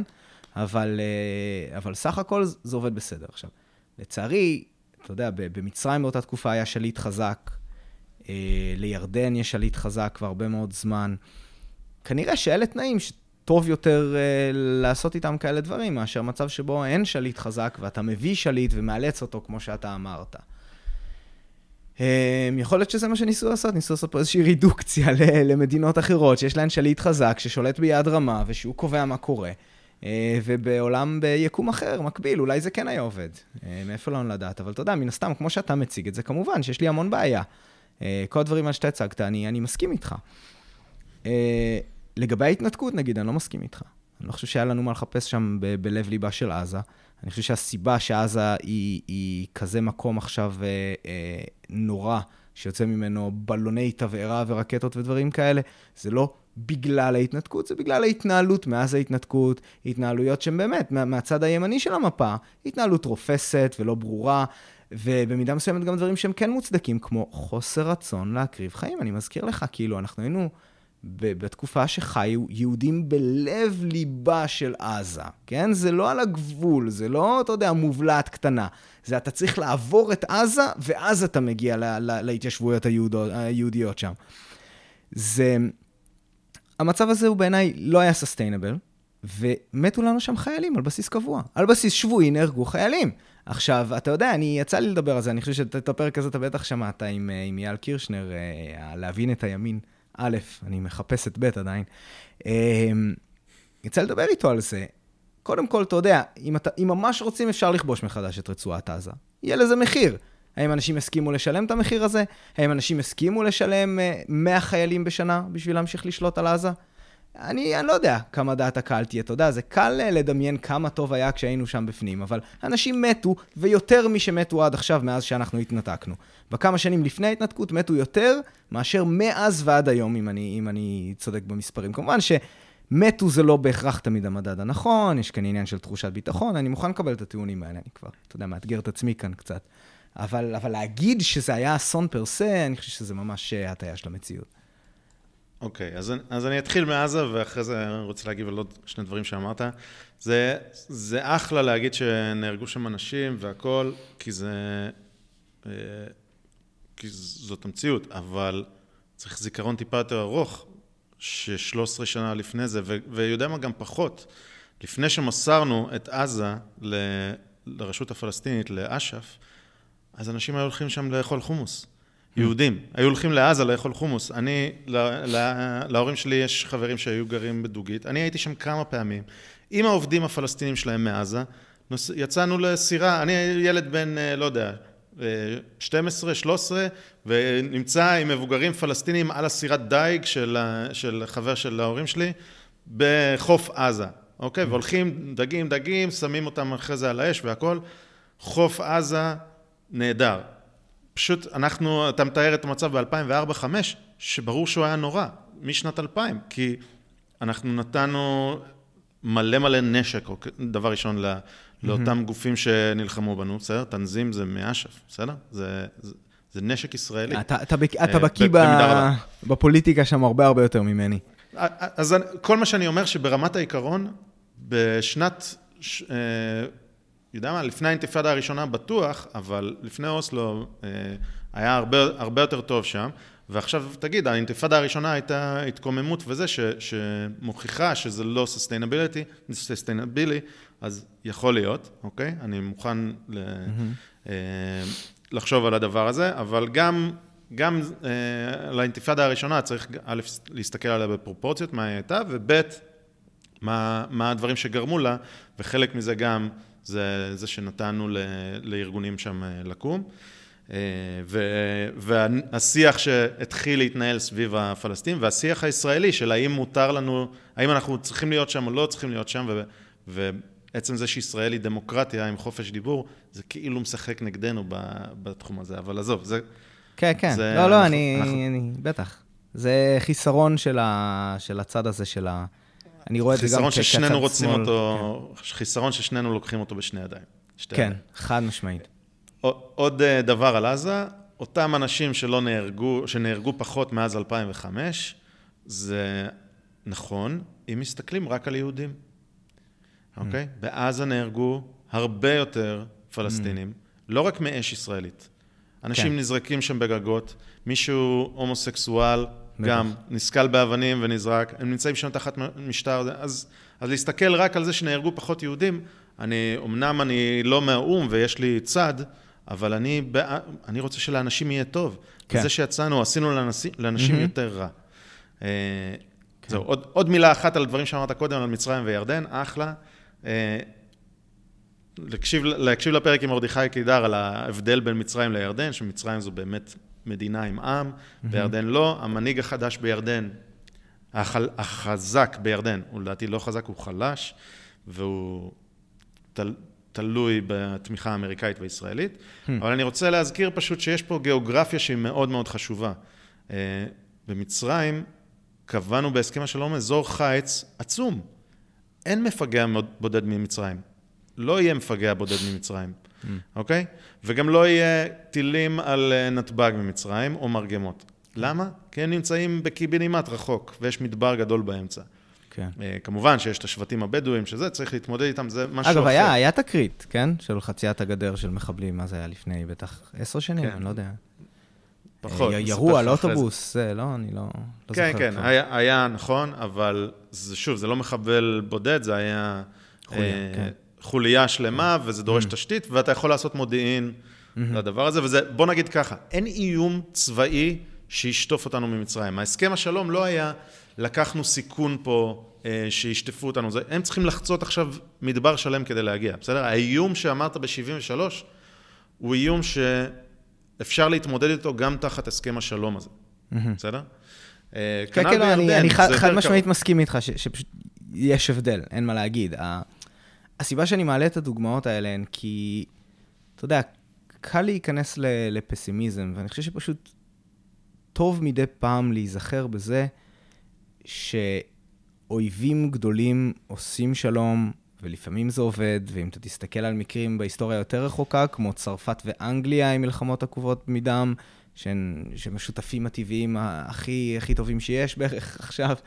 אמ, קשה לפעמים לראות את הדברים הזו ברזולוציה של, ה, של ההיסטוריה, וצריך להבין שקיים יקום, והוא לא מופרך בכלל, שבעוד 150 שנה הסכסוך הזה ייראה כמו משהו כל כך טיפשי, ש, שאתה יודע, מריצים עליו צחוקים.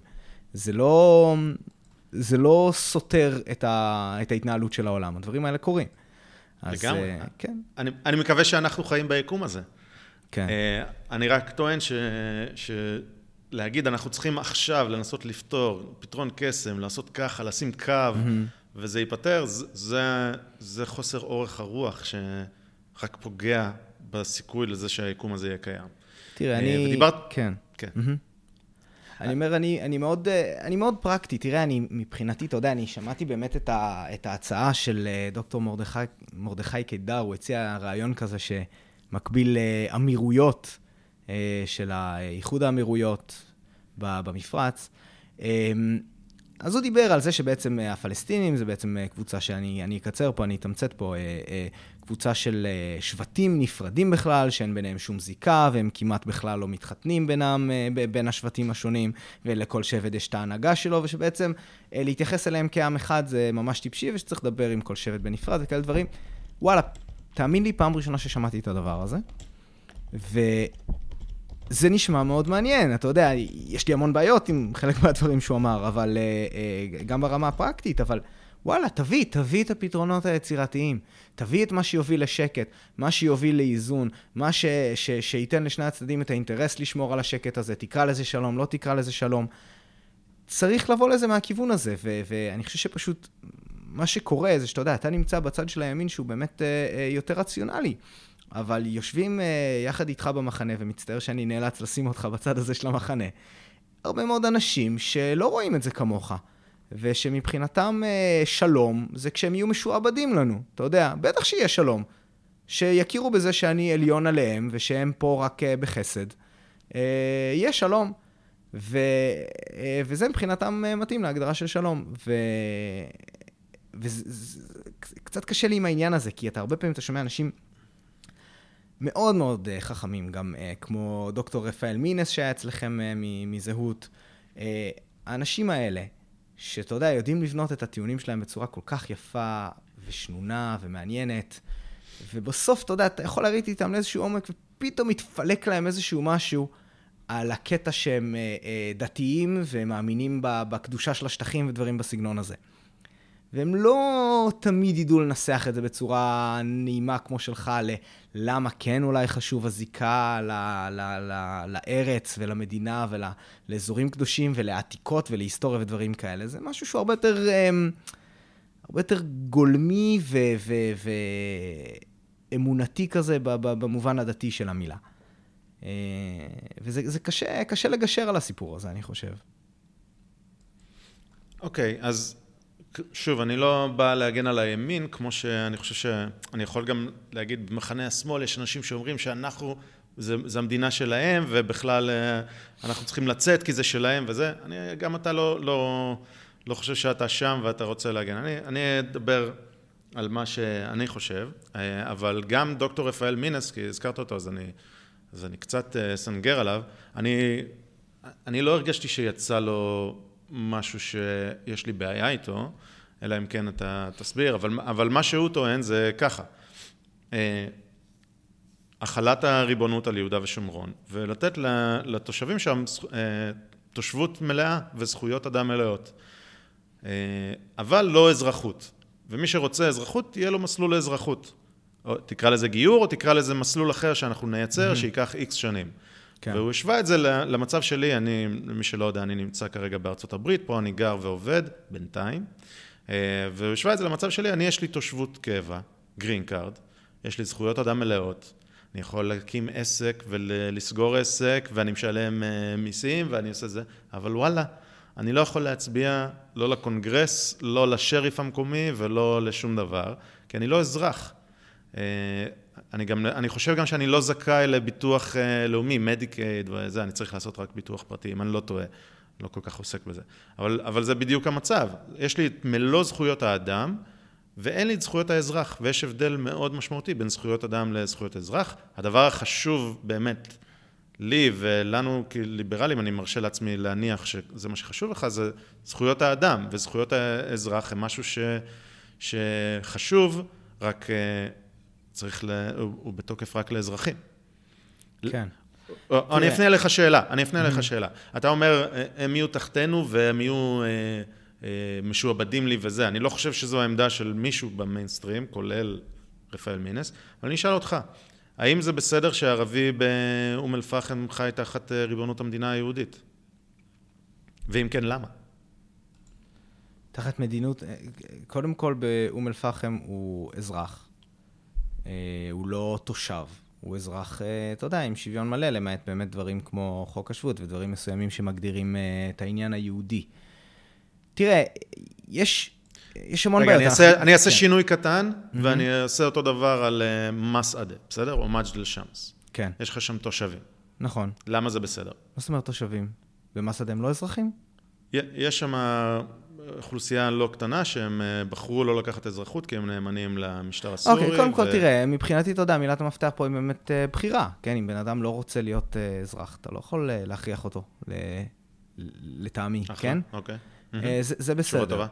Uh, כן, עכשיו, לגבי העניין הזה, תראה, הדבר הזה קיים כבר בחוק השבות, העניין של יהודים מקבלים אזרחות אוטומטית. זה אגב חוק האזרחות, אם אני זוכר נכון, משיעורי האזרחות, אבל... אבל נקרא לזה לרגע חוק השבות. אמ, הדבר הזה כבר קיים, אז, אז להגיד שנגיד אם אנחנו מכילים ריבונות על השטחים, קודם כל אני, אני הייתי מעדיף אם היו משתמשים בחוק השבות אה, וחוק האזרחות כבר בשביל זה, כדי להגיד, היי hey, חבר'ה, אתם עכשיו ברוכים הבאים למדינת ישראל, היי, hey, אתם יהודים, יש חוק כבר שמאפשר לכם לקבל אזרחות. Uh, קדימה, בואו תנצלו אותו. היי, uh, ערבים נחמדים, אתם uh, מוזמנים להיות פה תושבים. הנה מסלול לאזרחות אם אתם ממש רוצים. כבר זה יהיה לי טיפה פחות צורם מלהגיד, עכשיו אתה אזרח, עכשיו אתה לא. אני, זה באמת, זה, אתה יודע, זה הליברל שבי, שקשה לי מה לעשות איפה ואיפה, כי אתה יודע, הוא, הוא, הוא, הוא אמר שם באמת את הקטע הזה של הזכויות אדם לא מחייבות זכויות אזרח. זה, אתה יודע, זה עניין טכני, זה, זה למצוא לופ הול, זה כמו מעלית שבת, אתה מבין? זה למצוא איפה אתה יכול לעקם את המערכת הליברלית. זה חוטא קצת לערכים של, ה, של הליברליזם, שמאמינים בזה שאדם נמדד לפי, לפי תכונותיו, לפי איכויותיו.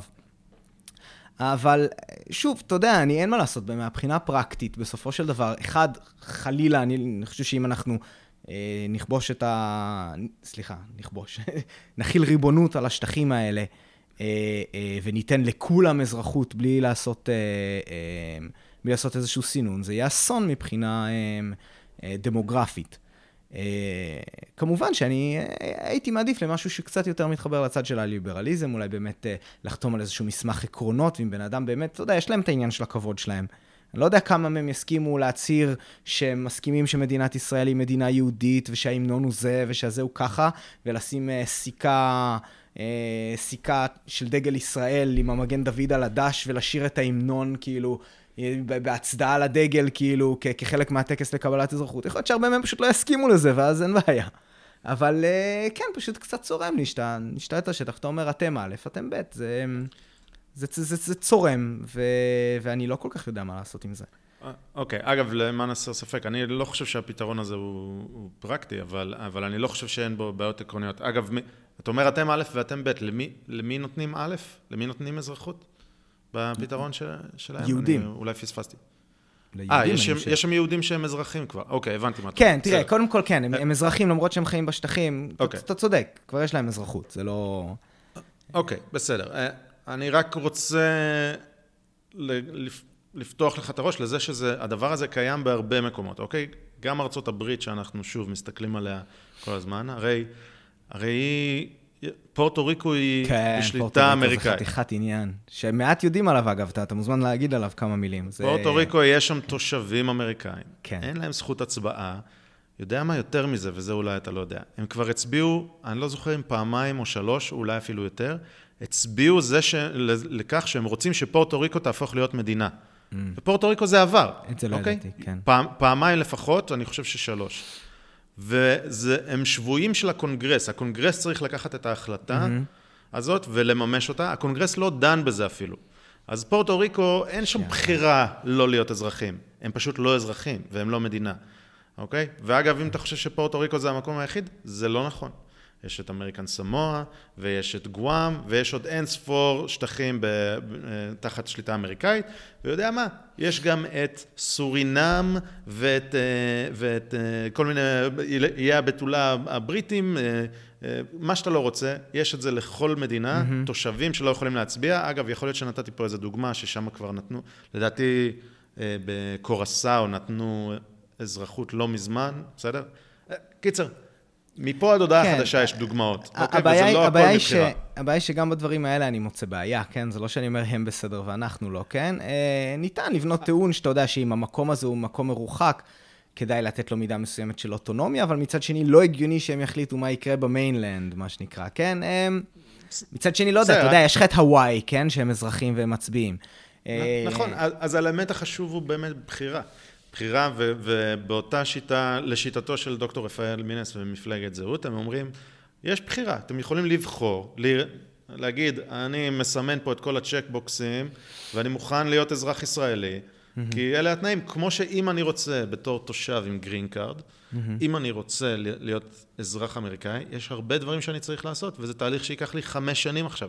כן. אוקיי? כולל מבחנים וכולל הצהרות נאמנות, והדברים הכי... שבארץ, אם רק מישהו יעלה אותם, אז יגידו, אה, פשיזם. מה, זה לא פשיזם, זה כאילו, אתה צריך להוכיח שאתה רוצה אזרחות כן. ולא סתם אה, קרדום.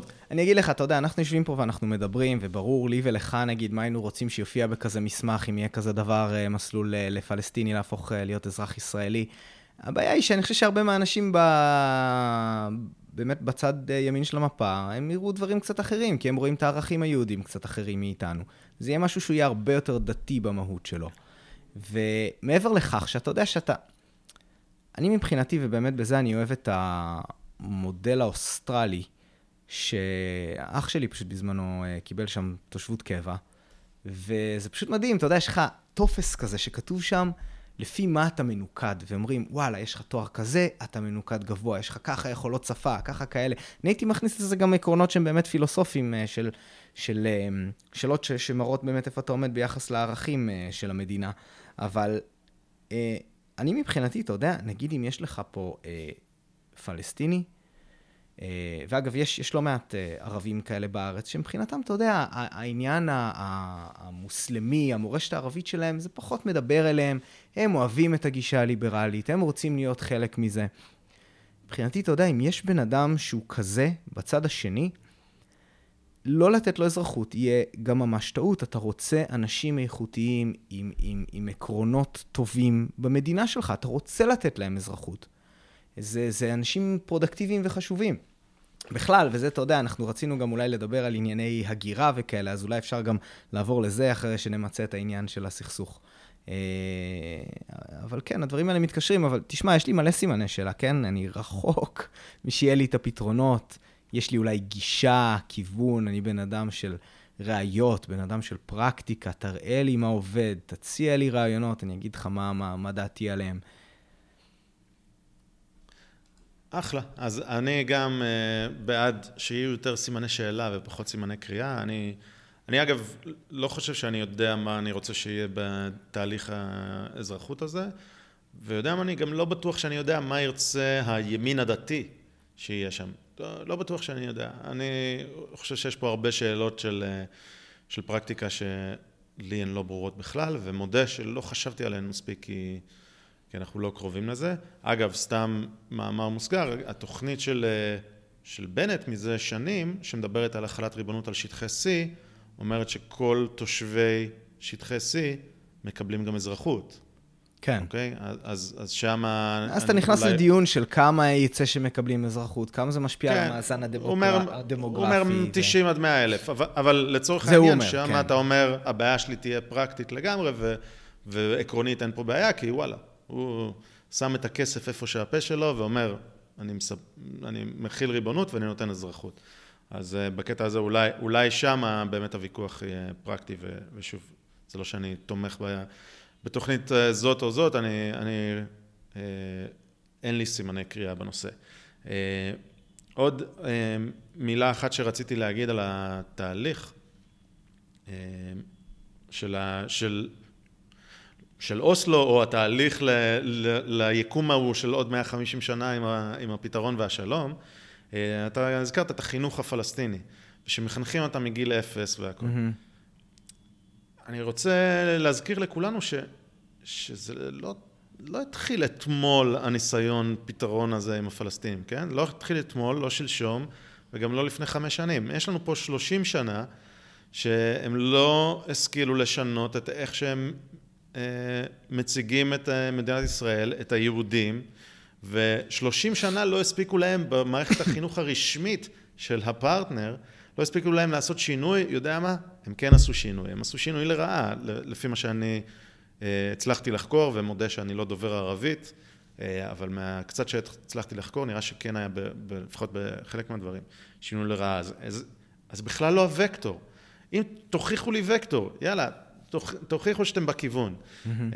והם לא, לא מראים את הסימנים האלה, אז, אז ברור ש, שבעיניי זה, כן, זה לא פה, הכיוון. יש לך גם פידבק לופ, כן? הנטייה של כזה דבר זה רק ללכת רחוק יותר, כן? כי אתה יודע, יש לך אנשים שגדלים, אה, ילדים פלסטינים, שבאמת, אתה יודע, אם אתה מגיע ממקום של אמפתיה, אתה אומר, איזה ברירה יש להם?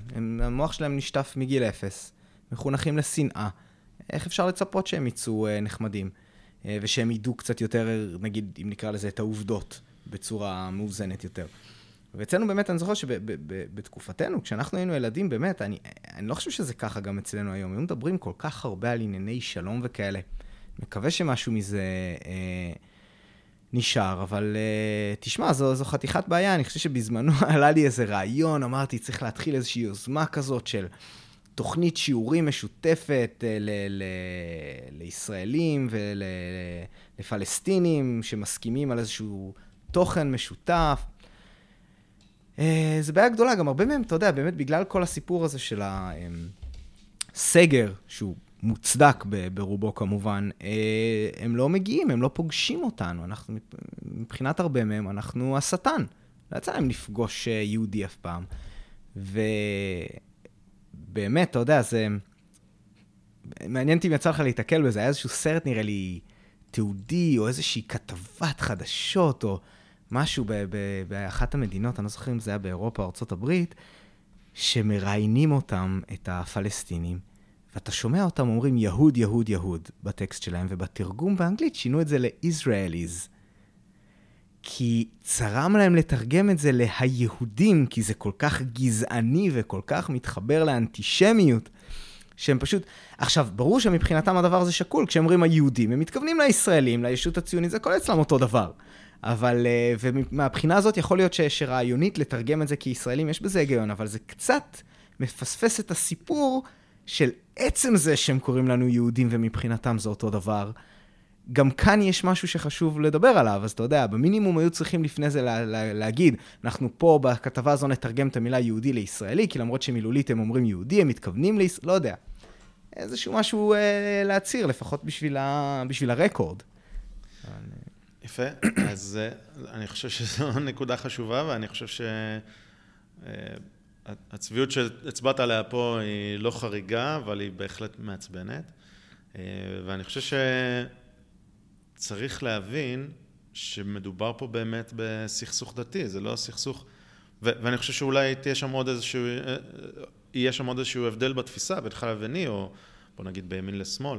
לא מדובר על השטח, כאילו אם הקו יעבור פה, הקו יעבור שם, אלא עצם זה שיש יהודים ש... משערים בנפשם שהם יהיו ריבונים על אדמת וואקף אה, מוסלמית, mm-hmm. אדמת קודש מוסלמית, חלק מה... מה, מה אה, אדמה המוסלמית, כן. ש, שכיבושי מוחמד הגיעו אליה.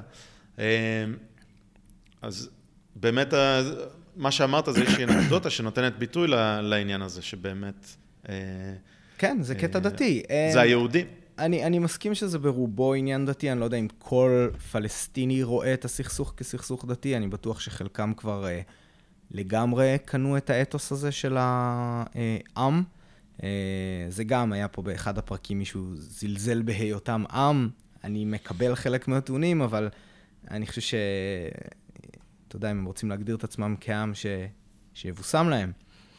אמ, אני לא בטוח שכולם שם מונעים מהקטע הדתי, אבל אני חושב שהרבה פעמים פוסחים על זה, כמו שאני חושב שאצלנו הרבה פעמים פוסחים על העניין הדתי. העניין הדתי משני הצדדים לי מפריע מאוד.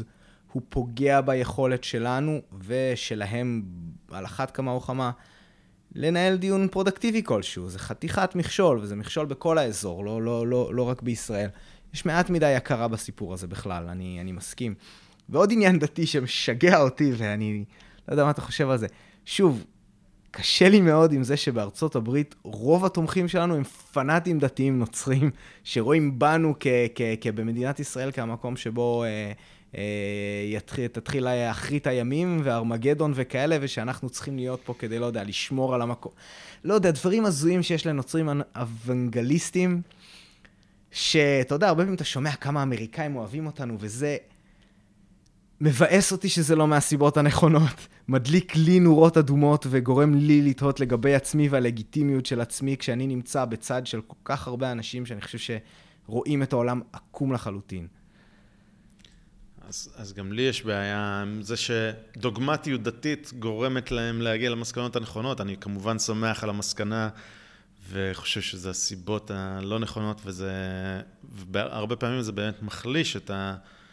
האפקט של התמיכה הזאת. אני גם מסכים איתך, זה, זה הרבה פעמים כאילו מבאס, אה, אבל, אה, אבל יש את הבעיה ההפוכה, שאני רואה את העולם המערבי החילוני, איך הוא רואה את ישראל, ו, ורואה את ישראל באמת ככוח דתי כובש, קולונליסטי. עכשיו, הכללה, ברור, אני לא, ברור לי שהכללתי, אבל זרום איתי שנייה, mm-hmm.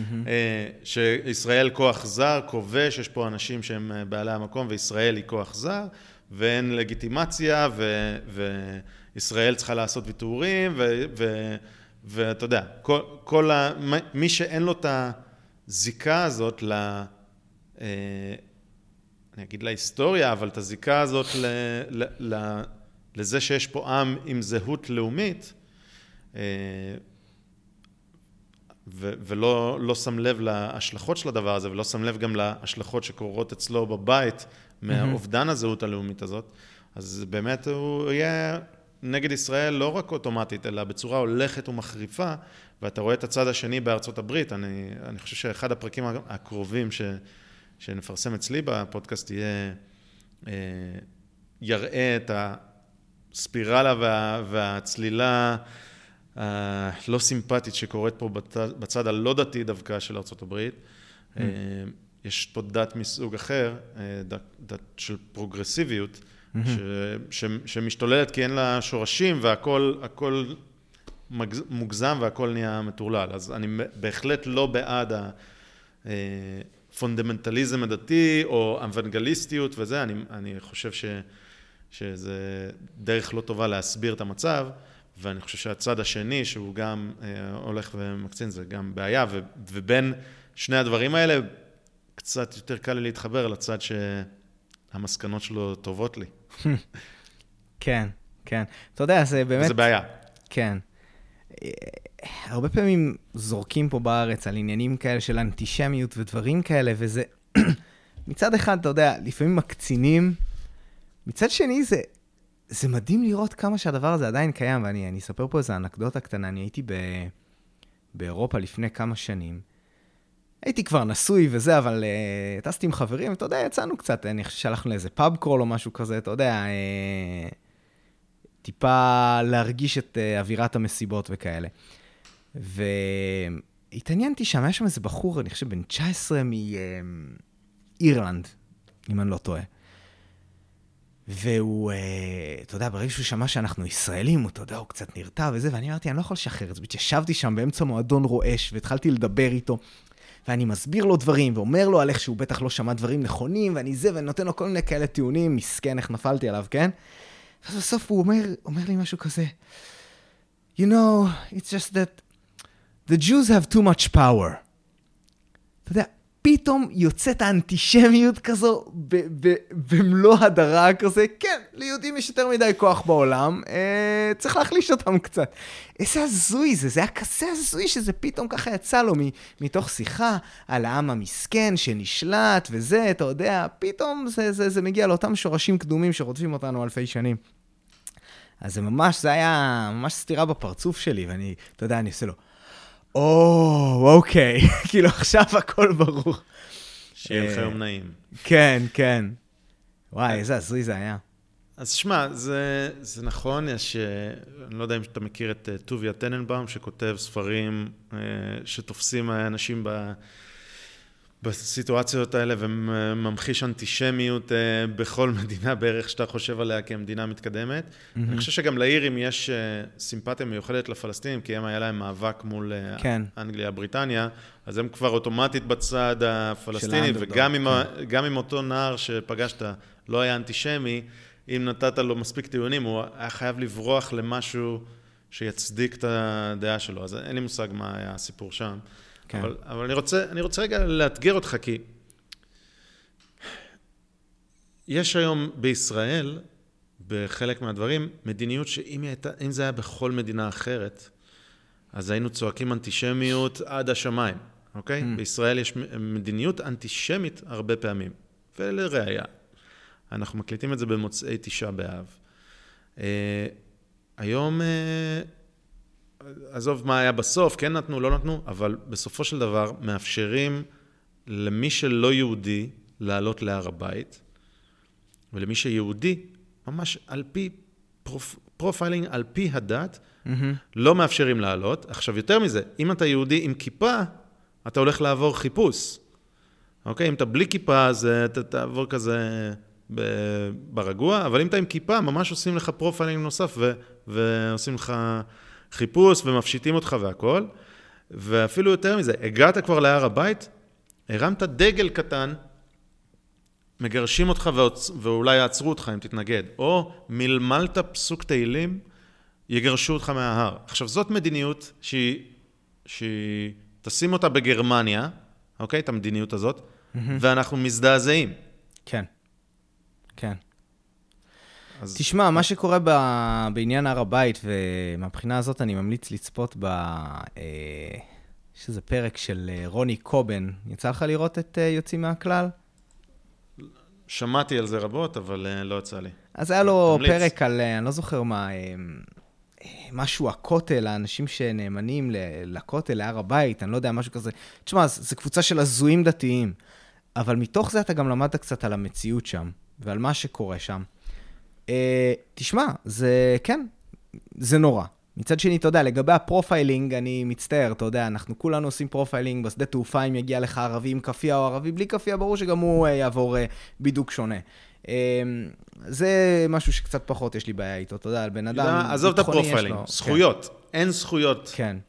עזוב תשמע, את כל- כל- הסיפור הזה. מבחינתי, אתה יודע, זה במינימום, זה פשוט לא הוגן. עזוב מה האינטרסים של כל אחד, כן? אה, אם יש דין שונה למוסלמי וליהודי, ולא ניתן לעשות איזושהי חלוקה הוגנת בין הדבר הזה, זה בעיניי אה, אה, לא לעניין. אתה יודע, מבחינתי כולם מטומטמים, כן? עם הקטע הדתי הזה שלהם.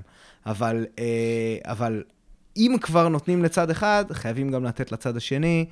אה, צריך לאפשר את זה, אני מבין שרוצים להקטין חיכוכים וכאלה, צריך למצוא דרך אחרת לעשות את זה, שהיא לא למנוע מיהודי אה, להתפלל אם כבר הוא הגיע לשם, או הנפת דגל וכאלה, זה מגוחך לחלוטין, אה, וזה בטח ובטח שאני, ש, שאני נגד הסיפור הזה. כמובן לא, לא, לא מהכיוון שאולי היהודי הטיפוסי יהיה, אבל, אבל מכיוון אחר, מהכיוון הליברלי. אחלה, אז אנחנו מסכימים בכיוון הליברלי, אבל בוא, בוא ננסה לנתח רגע למה אתה חושב שזה קיים. אני אגיד למה אני חושב שזה קיים. אני חושב שזה השתלטות של, ה, של אותו שיח פרוגרסיבי, או שיח של... אה, זה לא שלנו בעצם, זה שלהם. אנחנו הרי בהסכם השלום עם ירדן, נתנו ריבונות לה- בהר הבית, כאילו שמרנו אותה בצורה רשמית, אבל נתנו אותה לוואקף המוסלמי, אוקיי? אוקיי. שוב, אני וממשלת לא בקיא ירדן- אני לא בהגדרות אה, הפוליטיות, ההיסטוריות. ממשלת ירדן האלה. יש לה סמכות מיוחדת בהר הבית, אוקיי? מהמם. מעמד מיוחד, והוואקף המוסלמי הוא אחראי על האכיפה בהר הבית, ומשטרת ישראל היא, היא לצורך העניין כפופה, לפחות בשגרה, גם, עזוב את ההגדרות בדיוק, אבל זה מה שקורה דה פקטו, בסדר? הוואקף קובע מי נכנס, מי לא נכנס, אה, אה, איזה, מה מותר לעשות או אסור לעשות, האם מותר לחפור או לא מותר לחפור. כמובן שגם לפני אה, שלושה חודשים הקימו שם מסגד חדש בשער, אה, באורוות שלמה. אה, אני לא יודע אם שמעת על זה, אבל ממש אנחנו אומרים, רק בבקשה תנו לנו שקט, נוריד את המגנומטרים, את המגנומטרים, תנו לנו שקט בבקשה. כן. אה, ו... ווואי, ש... שטראמפ לא יעביר את השגרירות לירושלים, כי זה יהיה פיצוץ, זה המקום הכי נפיץ mm-hmm. בעולם, וזה... זה שיח, בוא, בוא אני אנסה שוב לעצבן, השיח של השמאל בישראל, אוקיי? הנה הפתעה, הוא שיח של פחד, ולא השיח של הימין. כמובן שהימין תמיד מסווג כהפחד מנצח את התקווה, mm-hmm. אני טוען שהשיח של השמאל הוא שיח של פחד, ולכן אנחנו לא נותנים ליהודים להתפלל בהר הבית. כן. תראה, ואני יכול לתת עוד דוגמאות, אבל מה אתה אוקיי. אומר על ה... אני חושב שקודם על- כל, על התזה. כולנו מונעים מפחד, כולנו מפחדים מערבים, זה פשוט מושרש בנו. כמה שננסה, להת... אתה יודע, להתכחש לזה, אין מה לעשות. יהודי מפחד מערבי, יש יותר מדי היסטוריה שם. אה, אני, אני מצר על כך כמובן, כן? אבל, אבל זה המצב. אה, כן, אתה יודע, זה שוב הסיפור הזה של הגזענות הרכה הזאת, כן? הציפיות הנמוכות. יש שם כל מיני דברים, אתה יודע, יש כאלה הגדרות כאלה, שאם יש חשש להתפרעויות, אז אומרים להם רק ש... הם מאפ- מאפשרים רק לאנשים מגיל 40 או משהו כזה לעלות להתפלל. אתה מבין כמה זה... כמה זה... כמה... רופס. לא, כמה, לא, עזוב, כמה הרמה השטחית הזאת מצליח... עובדת. כאילו, מה קרה? הג- הגדרת שרק אנשים מגיל 40, ואין התפרעויות. למה? כי אנשים 40, בני 40 כבר אין להם כוח לשטויות האלה. יש להם משפחה, ילדים, עייפים כבר נכון, מהחיים. וזה זה מדהים לראות את זה. זה אני חושב, יש מלא מחקרים שמראים גם באופן כללי על אלימות של גברים, ואיך שכאילו באזור גיל 30, 30 ומשהו זה הולך ופוחת. אנחנו חיות לא הכי מתוחכמות, ואפשר לתפוס את זה, ומבחינה הזאת ה profiling, כמה שזה מצער, זה במידה מסוימת עובד, זה יוריסטיקה שעובדת, וכדאי להשתמש בה, אתה יודע. אי אפשר להתכחש לזה. כן, תראה, הם אה, נתנו, להם, נתנו לנו, אתה יודע, חרא של עבודה, לנסות לשמור שם על הר הבית, לאפשר להם להתפלל. למה, למה ליהודים אה, הם, יותר קל להגיד, לכם אסור? אחד, כי אתה יודע, זה אזרחים שלך. להגיד להם מה לעשות, יש לך לגיטימציה לעשות את זה. אה, בתור המדינה ששולטת עליהם, והם אזרחים שלך, להגדיר להם את החוקים. אבל אני לא, אני לא נותן את זה כתירוץ, כן? זה, זה באמת נטו הפרקטיקה. יותר קל לנו להגיד ליהודים, אל תעלו לשם להתפלל. ואתה יודע, חלילה אל תעשו את זה, אה, אנשים אה, פנאטים ששומעים את זה, אבל אתה יודע, עם מספיק אה, פיגועים ומספיק התפרעויות ומספיק, אתה יודע, וואלה, כמה פיגועי התאבדות ודברים כאלה ואיומים של זה, בסדר, גם ייתנו לכם להתפלל בהר הבית, כן? נכון. אתה יודע, זה, זה, זו המציאות. מבינים רק כוח. כן, זה, זה לא רק כוח, זה כאילו... אנחנו, אנחנו מבינים אנחנו, רק כוח. כן, אנחנו כן? מבינים רק כוח. גם הם מבינים כוח, כן? אבל, אה, ו, ובטח, אתה יודע, גם אם, אם יחליטו שעכשיו לוקחים חודש עם קצת מרחץ דמים, אבל קובעים שם מחדש את המציאות בשטח, לגבי הר הבית, זה בסוף יתפוס, ואנשים יתרגלו וישכחו מזה, וזה ייראה רגיל. זה... באמת, אנשים עושים מה, מהסיפור הזה כאילו... הם... מהר מאוד מתקבעים על זה המצב, וזה ככה, ואי אפשר לשנות, סטטוס קוו חדש כביכול נוצר כל כך מהר. כמה זמן זה כבר ככה? אני לא יודע כמה זמן הסידור הזה, אבל בטח לא עד כדי כך הרבה זמן. ואם uh, יחליטו שלא, אנשים קצת יתנגדו, ומדינות קצת יגנו, ו- ו- ו- אבל בסוף יתרגלו לזה, וזה יהיה בסדר. אני שוב, אתה מבין, זה מוזר לי לצאת להגנתם של, ה... מבחינתי, הפנאטים הדתיים, שבכלל רוצים uh, לנענע שם את ה... איך קוראים לזה? את קן הצרעות הזה. עזוב, לא בא לך לעלות להר הבית? לא מסקרן אותך? מה הפנאטים דתיים? אתה יהודי. אה, כמה הייתי לא, לא, בכותל המערבי, אפשר לא, לספור על יד אחת. אבל... אגב, לא אה, להתפלל, אבל כן. היית, היית פעם בקפלה הסיסטינית ברומא? היית בוותיקן? לא, לא יצא לי. אתה מכיר שמח. ישראלים ויהודים חילונים שהיו בוותיקן? בטח. אוקיי. מעניין או לא מעניין? כן. תראה, קודם כל זה. יפה יותר, כן?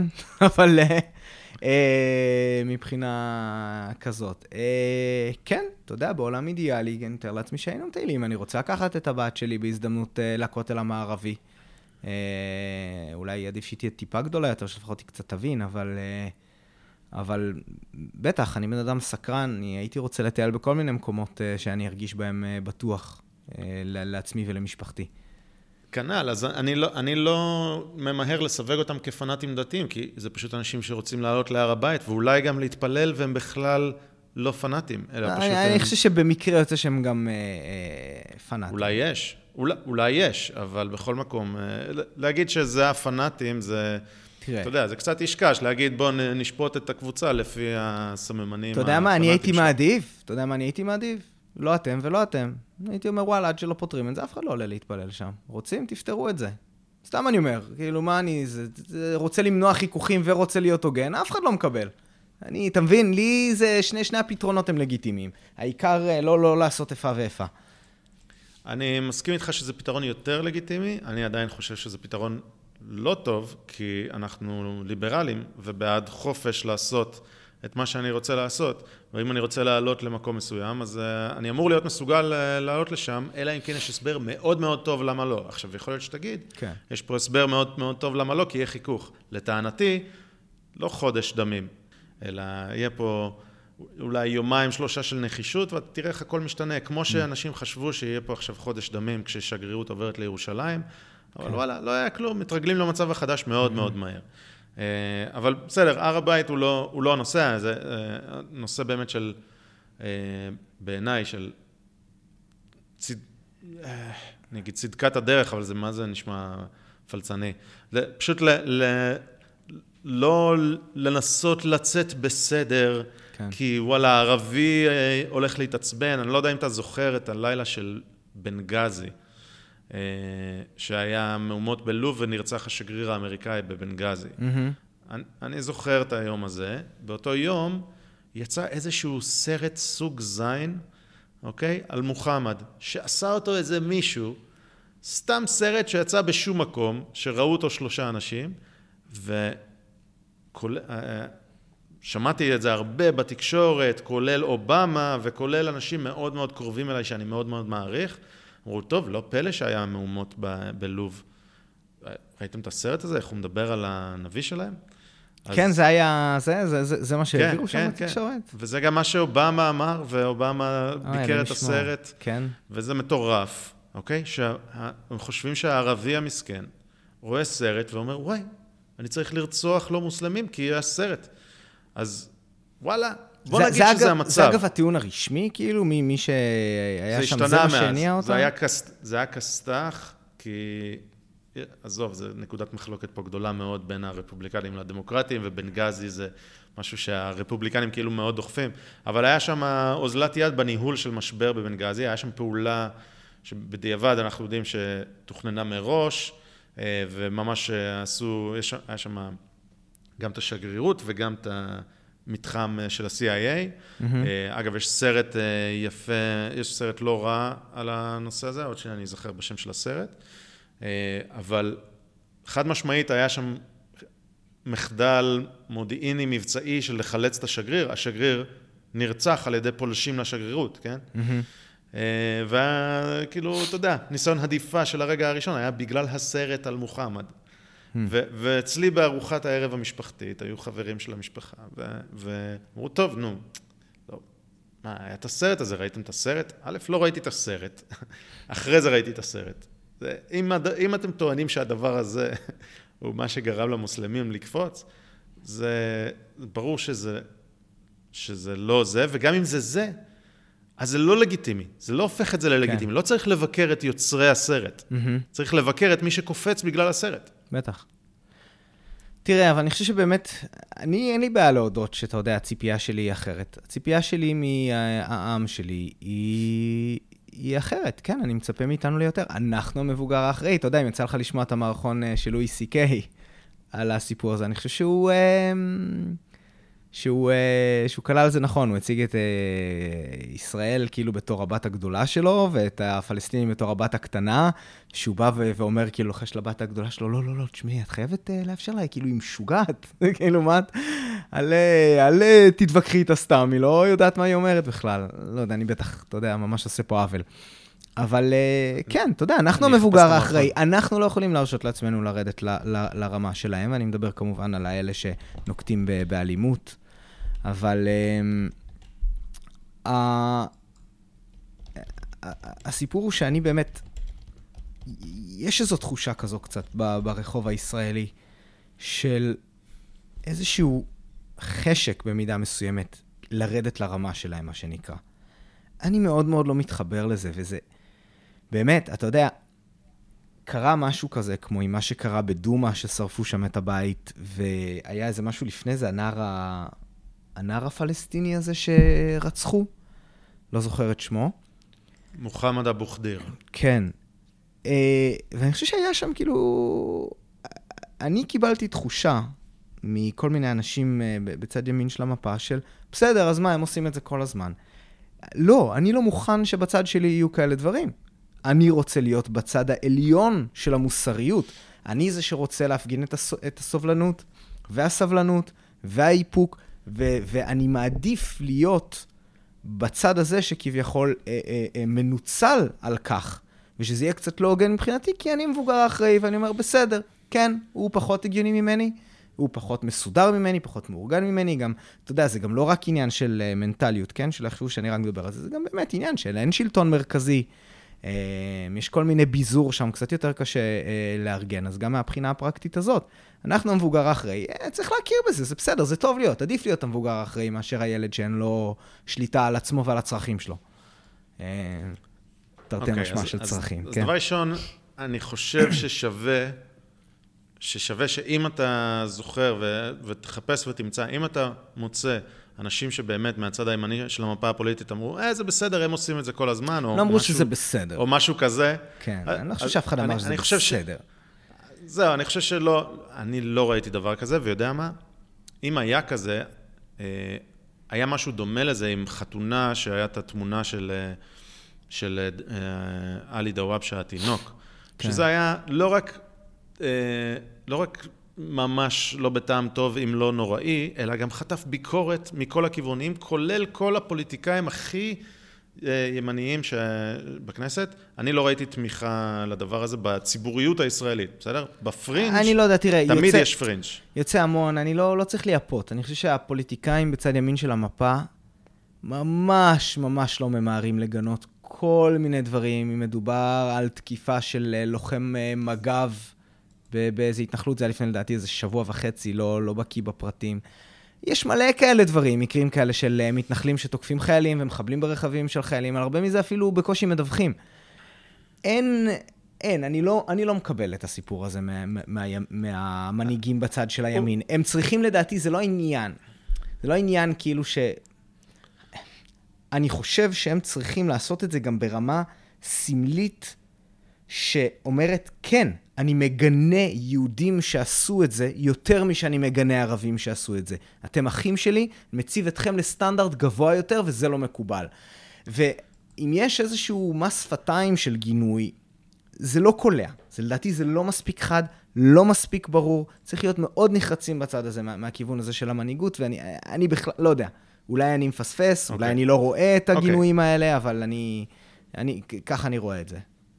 אני חושב שאנחנו לא מסכימים, כי אני חושב שיש גינויים, ואני חושב שיש גינויים גם מאוד מהירים, כולל אה, גיבוי שנותנים למי שחשוד בשריפה בדומא, כולל עינויים וכל מה שאתה רוצה, ובסופו של דבר, לפחות חלק גדול מהאנשים האלה, אני לא יודע אם, אם תפסו את הבן אדם הנכון או לא, כי לא המשפט ולא גלוי לי שוב, שום דבר, אבל הרבה מהאנשים שוחררו, לא הוגשו כתב אישום, למרות שאפילו עליהם עינויים ושיטות לא כשרות, ונפתלי בנט ואיילת שקד וכל הממסד הימני, כולם תמכו באמצעים המיוחדים. אני חושב ש... שאין פה מס שפתיים, אבל וואלה, אני אשמח אם תוכל כן, לשלוח כן. אה, דברים ש... שמוכיחים לך זה. אבל רגע, רגע, כן. אני רוצה רק אוקיי. להגיד שגם אני תופס אותנו, אה, יותר חשוב לי שהצד שלי יהיה מוסרי מאשר הצד שלהם. הרבה יותר חשוב לי. אני קרוב אצל עצמי, אני שופט את הצד שלי. אבל, אם נחזור ל... למטאפורה של לואי סי קיי, שלא ראיתי את המערכון ואני אחפש אותו, אבל אתה לא עושה עסקה עם האחות הקטנה. אתה מחכה שהיא תגדל, אתה רוצה שהיא תגדל, אתה לא נותן לה להישאר באותה רמת בגרות. Mm-hmm. זה לא מקובל. כל עוד זה לא מקובל, זה לא מקובל. תתבגרי, נדבר. Mm. אז זה, זה מה שאני טוען. לא מקובל, ובוא נחכה שיהיה, שיהיה אפשר לדבר. כן, אהבתי לאן שלקחת את המטאפורה הזאת. זה סבבה, פשוט, אתה יודע, אני לא יודע אם זה יקרה מעצמו, כי יש פה פידבק לופס. כמו שאני אמרתי, אתה יודע, אם אתה לא יכול לצפות מפלסטיני שלא פגש אה, ישראלי בחיים שלו, שפתאום יתבגר ויבין, וואלה, גם הם בני אדם. צריך, אה, זה, זה, אתה יודע, to pick yourself up with, with, uh, from your bootstraps, כזה, כן? כאילו, להתחיל איכשהו ממקום שלא אפשרי להגיע אליו. זה חד משמעית לא יקרה מעצמו. ואנחנו צריכים לדאוג שזה יקרה. ואם אנחנו דורשים בהסכם אוסלו שאחד מהסעיפים הוא שיפסיקו את ההסתה, ברגע שזה לא מתקיים, mm-hmm. אז ההסכם לא תקף יותר. כן. לא יכול להיות תקף, כי זה לא הוקטור. להיות ברורים ולכן, עם ול... הסכמים ולהיות חד משמעיים וללא פשרות בדברים האלה, בעיניי זה מאוד מאוד מאוד חשוב, כי זה, כי זה פשוט, זה מכתיב את כל השאר, זה מכתיב את ההתנהלות של הכל. זה ברור שאם יש הסכם וחתמו על סעיף שהוא משמעותי, ואז אם יהיה עוד סעיף, אז ידעו שהוא משמעותי, כי מאוד הקפידו על הסעיף האחר. על זה בטח, ממני ו... אתה לא תשמע שום ו... התנגדות על זה. ויותר מזה, במקום להביא top down, איזה מנהיג שהנה ישתלט על, ה... על העם הזה, זה יבנה bottom up. שיהיה מפעל סודה סטרים במעלה, במישור אדומים, ויעבדו שם מאות פלסטינאים mm-hmm. ויגדלו, והמשפחות שלהם זה, אבל אם נעשה, בואו נשרטט קווים, מפעל סודה סטרים יוצא לאזור רהט, וזהו, כן. כל אותם מאות אנשים, לא כן. רק שיותר רע להם מבחינת עבודה, אלא גם המשפחות שלהם יקבלו את האינדוקטרינציה מצד אחד, במקום להיות... אה, במקום להיות בחיכוך עם יהודים אני, ולהבין כן. שהם גם בני אדם. אז, אני, אז אני מסכים מ, איתך לגמרי. מלמטה וזה, למעלה. כן, זה מצחיק לראות את זה באמת, גם בהתנחלויות הרבה פעמים, אתה יודע, הכי הרבה מגע עם הפלסטינים יש בהתנחלויות האלה, והרבה פעמים, אתה יודע, אתה רואה שהם נכנסים עובדים פלסטינים, כי יהודים כמובן לא יודעים לעבוד בבנייה, אה, ועובדים אצלם וזה, ואתה רואה אותם מדברים, ולפעמים מריצים צחוקים, אתה יודע, תמיד עם טיפה חשדנות, אבל, אבל בסופו של דבר יש שם דו-חיים בהרבה מהמקומות האלה. אה, דו-קיום, לא דו-חיים. אני חושב שכבר עשיתי את הטעות הזו בעבר. יש שם... כן. יש שם אה, דו-קיום באמת בשטח, וכן, אני, אני מאוד בעד זה, אבל רציתי להתייחס למשהו למשהו שאתה אמרת. אתה יודע, אמרת שנגיד, אתה יודע, בנט ואיילת שקד וזה, והם זרמו עם, ה, עם השיטות האלה, אתה יודע, החצי לא דמוקרטיות הם, של ה... אמצעים חריגים, כן. כן. אמ, אני חושב שבאמת אחת הבעיות שלי עם מה שקורה אה, עם, ה, עם השלטון של, ה, של הימין בארץ, זה באמת הפרקטיקה וה, והסמליות הם רחוקים שנות אור. אז לצורך העניין, אתה יודע, הם יכולים בחדרי חדרים להסכים לשיטות המיוחדות האלה, ו... ו, ו אמ, אבל דווקא אותי מעניין הסמליות, מעניין אותי אה, הממלכתיות, העניין של לבוא ולהגיד דברים כאלה שאתה מאמין בהם בריש גלי, והרבה פעמים הם יימנעו מלהגיד את זה, כי הם יודעים שזה יחליש אותם. אתה יודע, הם יודעים מצד אחד שמבחינה פרקטית וחוקית אה, אה, ומבחינה משפטית וכאלה, זה הדבר הנכון לעשות נגיד. אבל הם לא יבואו ויגידו את זה, כי הם יודעים שזה ינקר אותם אל מול המצביעים, ואז יבואו כאלה שהם יותר בצד ימין ויגידו, אה, ביזיון, איך הם ככה יוצאים נגד אחיהם היהודים. ואני עוד רגע, אני אגיד... רגע, שובל, הם אמרו, הם אמרו את זה בריש גלי. אז קודם כל, אני, אני אשמח לראות בדיוק על מה אתה, על מה אתה מדבר. אה, יהיה מעניין לראות. וכן, אני בטוח שהיו מקרים גם ש, שהם עשו את תפקידם כמו שצריך, אבל אני אתן לך דוגמה אחרת. חמאס. ביבי והממשלה וה, שלו, בין אם באופן ישיר או באופן עקיף, הם מדברים עם חמאס המון. המון. יש כל הזמן מגעים בשקט, בשקט, בשקט. למה בשקט? שלא ידעו שהוא מדבר עם חמאס, אוקיי? עכשיו, זה מה שמשגע אותי, כי מבחינתי, אתה יודע, הרבה פעמים, גם היה בסבב האחרון שכמעט התחיל, וביבי יצא המבוגר האחראי ומנע את ההסלמה על ידי איזושהי הבלגה. ולמרות שאני מתנגד להרבה מאוד מהדברים שהוא עושה אה, ואיך שהוא מתנהל מול עזה, ספציפית לצעד הנקודתי הזה, אני חושב שהוא ממש יצא בוגר ואחראי ומנע מאיתנו מלחמה מיותרת. הבעיה היא שבבין לבין של המלחמות האלה וההסלמות האלה לא עושים כלום כדי לייצב את השטח. עכשיו, כל הזמן מדברים עם חמאס, כל הזמן עושים הסכמים עם חמאס, אבל הם לטווח הקצר, וזה מאפשר לך לבוא ולהגיד, אני לא מדבר עם חמאס, הוא לא מכיר בישראל. אז מה זה, זה, זה כי זה על הטווח הרציף וכי ההסכם הוא לשנה ולא ל-20 או 30 שנה? זו הסיבה שזה בסדר לדבר איתם? הרי זה, זה הכל שטויות, אבל הוא לא יהיה מוכן לבוא ולהגיד, אנחנו מדברים עם חמאס כל הזמן, אנחנו מנסים להגיע איתם להסכמים ולפשרות וכל מיני כאלה, כי זה ידפוק לו את כל ה base. כל מי שמצביע לו יגיד, רגע, מה הוא מדבר עם חמאס? למרות שאתה יודע, אם אתה תחפש את זה בחדשות, אתה תמצא את זה בכותרות הקטנות, איפה שזה, איפה שזה דולף פה ושם. אז סתם, אני, העניין הזה של ה... אה, לאכול את העוגה ולהשאיר אותה שלמה, זה משגע אותי, אבל אתה יודע, לצערי זה מה שעושה את ביבי באמת לפוליטיקאי כל כך טוב. הוא מבין את הפרקטיקה, יודע את העבודה, והוא יודע איך אה, לדבר רק על הדברים שיעשו לו טוב ב... ב... אצל המצביעים שלו. יפה, אז, אז אנחנו עלינו מהבסיס של העקרונות, עכשיו אנחנו עולים אה, רמה אחת לפוליטיקה או פוליטיקה ישראלית. אני, אני חושב שהביקורת שלך היא לגיטימית. הימין, אה, הוא לא, לא מיישם מדיניות ימין, והוא הרבה פעמים יש לו תירוצים, אה, בג"ץ עוצר אותי, או אובמה עוצר אותי, ורק תחזיקו אותי ואני אעשה ככה. ואני חושב חד משמעית שאתה צודק. ואם אתה שואל אותי, אה, ביבי הוא השמאל השפוי בישראל, הוא לא ימין. Mm-hmm. הוא עובד על פי מדיניות ומתווה אוסלו, חד משמעית.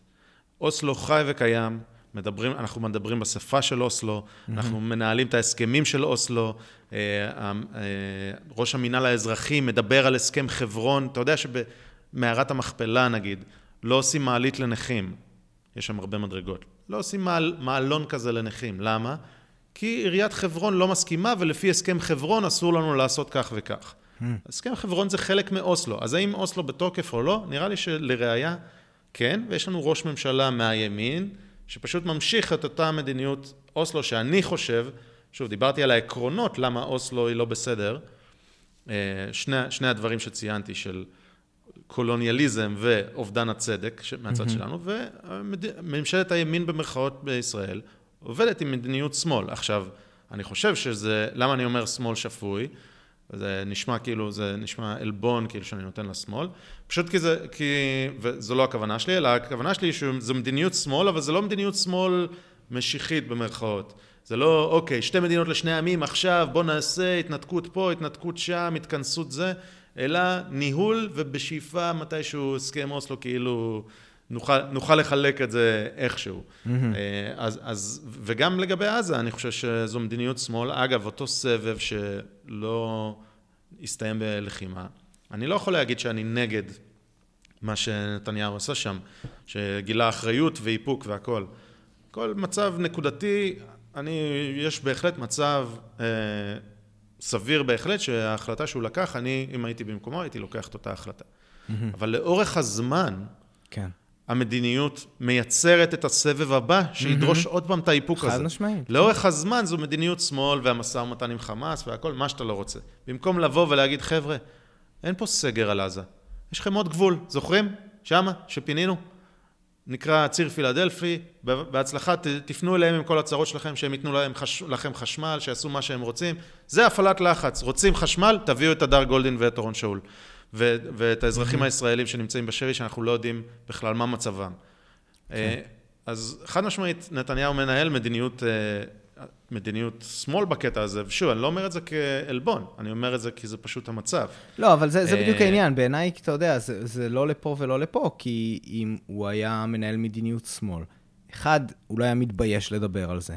שתיים, יכול להיות שאתה יודע, הוא כן היה חותר אה, להגיע פה באמת להסכם קצת יותר ארוך טווח.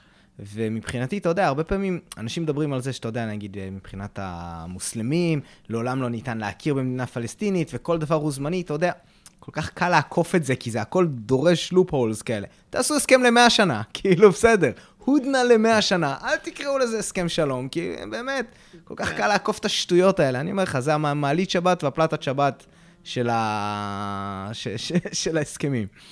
כן, אה, אתה יודע, אה, גם- זה אפשר, אבל- אפשר לתת טיעון- טיעונים בעד ונגד, אבל אני חושב שהמטרה של הפודקאסט שלך ושל הפודקאסט שלי, הוא לא לאפשר למישהו כמו נתניהו לרקוד על שתי החתונות ככה. הוא יכול לעשות את זה כי הכל כל כך שטחי. נכון. אתה יודע, סיסמת בחירות. שמאל חלש, ימין חזק, זה, זה כזה חרטא. אז בואו נשים אתכם, נס- נחזיק אתכם ל- לעקרונות ונדבר לעומק, ונראה שבאמת אה, אתם לא מחרטטים אותנו. כן. אז נראה לי שזו המטרה שלך והמטרה שלי. אה, ואולי אנחנו מצליחים, אני לא יודע. כן, לאט. כן, אז נראה לי שאנחנו הגענו לנקודה שהיא מתקרבת פה ל- לעצירה. אה, כן, אתה אבל... רוצה, במ- אתה רוצה לדבר שנייה בלוג בחירות קצר, או שזה, לא ש... אני, אוף, אני לא רוצה אני לא- שנדבר על... על כן. לא, לא על ענייני היום, אלא... אלא מה, מה בעצם על הפרק פה? מה, מה קורה? אז זהו, אז תראה, אני, אני פשוט... כוח עוד קצת יש לי, כן, אני פשוט... אני, אני רציתי להגיד בהתאם למה שאתה אמרת, לצערי אבל, וזה באמת, אתה יודע, אם יש בעיה בפודקאסט כמו, כמו שלנו, שזה זה, זה, זה אוטומטית אה, מדיר 90% מהעם שלא מדבר את השפה שלנו. וזה מאוד מתנשא להגיד את זה, אני מודע לזה. ויצא לדבר על זה עם, עם לא מעט, אתה יודע, בעיקר עם ליברלים, בלי קשר לעניין המדיני, שהרבה מה, מהנחות היסוד שאתה עושה לגבי האנשים, אה, זה קשה, אנחנו באמת לא מכירים, וזה באמת, אני חושב שאחת המטרות שלי להמשך תהיה, יש לי איזו פנטזיה כזאת של לעשות אה, שיחות כאלה עם אנשים שהם אה, נגיד קצת יותר אה, פשוטים, פחות בקטע הזה, יותר אנשים שהם, אתה יודע, רק מהרחוב. בסופו של דבר, האנשים האלה הם, הם, הם, הם חלק מאוד גדול מהציבור הישראלי, לא שומעים אותם בכלל. אה, ושוב, אני יודע שאני בטח נשמע לאנשים מסוימים מאוד מאוד מתנשא, אבל זה באמת מגיע ממקום של לנסות להבין, ושהשיחה הזאת, שזה לא יהיה רק ביני לבינך ולאנשים שמדברים את השפה הזאת. אמ, ל- לראות מה, מה עוד אפשר לעשות ואיך אפשר להפיץ רעיונות שהם באמת, אתה יודע, אולי טיפה יותר מורכבים ועם קצת יותר אה, אה, אה, דקויות לאוכלוסייה יותר גדולה. כנראה שפשוט, אתה מבין, הפוליטיקה הידרדרה למצב הזה, זה, זה לא סתם. זה מסיבה מסוימת. אמ, אז, אז שמע, אני חושב שמהפכת הפודקאסטים קורית בעברית עכשיו, as we speak, וזה ייקח uh, עוד קצת זמן. ב- בישראל, פוסטים בפייסבוק הם משהו שמקבל הרבה מאוד uh, תנועה, כן. ויש פוסטים מאוד מאוד ארוכים, ומתנהל שם שי- שיח מאוד uh, עמוק לעיתים. כמובן שהצד הנגדי של זה הוא שאנחנו קופים שלא יודעים לתקשר בטקסט, אז יש הרבה יותר רעל שצף, ולכל אחד יש קול, כל, כל ערס מהכביש פתאום קיבל, אה, אתה יודע, אה, כן. במה, במה מרכזית אה, בכיכר העיר, אבל, אבל השיח הוא, במה שקורה בישראל בפייסבוק, הוא מאוד עמוק. ובארצות הברית, אני חושב, דיברנו לפני ההקלטה על ההשראה שהייתה לך ולי, על אנשים כמו סאם האריס, וג'ו רוגן, ודייב רובין, וג'ורדן פיטרסון. זה, אלה אנשים שנתנו לי לפחות קריאת השכמה, להראות שוואו, יש אנשים שרוצים לקבל שיחות של שעתיים, אוקיי? אנשים שחשבנו שהם יהיו פשוטים, אבל לא, הם, הם רוצים לשמוע את הדברים המסובכים ופילוסופיה ו, כן. ועקרונות וזה, ואני מקווה, ואני לא רק מקווה, אני גם חושב, זו דעתי, שגם בישראל אנחנו נופתע מכמה אנשים שרק ניתן להם את הגישה הזאת. אגב, כבר עכשיו אני חווה את זה, בסדר? עם הפודקאסט הקטן שלי ב... בעולם הקטן ש... שלי, mm-hmm. אני כבר חווה אנשים שאתה לא מדמיין שיצליחו לשבת שעתיים ולהקשיב למשהו, אז הם לא רק שעתיים, גם שלוש שעות כבר היה לנו והקשיבו ונתנו פידבק כן, והכל. כן. אה, אז אני נוטה להאמין שזה עניין של מדיום, כלומר, איך הדברים מונגשים, וברגע שאנחנו כבר 30 שנה בהנגשה של טמטום בין הפסקות פרסומות, אה, אני חושב ש... שיש שינוי בפתח, אני מקווה. אני גם מאוד מקווה, אתה יודע, אני באמת לא יודע, אני מהבחינה הזאת, אתה יודע, אני, אני פסימי חבל על הזמן. אני לא יודע למה נכנסתי ל state of mind הזה, ש... שאני חושב שהאוכלוסייה היא, היא כל כך מנותקת מהסוג הזה של השיח. אני מקווה שאני טועה, אני מקווה שמישהו יוכיח לי אחרת. אבל, אה, אבל באמת, אני חושב ש, שאני ואתה חיים באיזשהו עולם שהוא מנותק מאוד ממה שקורה ב, ב, ברחוב הישראלי הממוצע.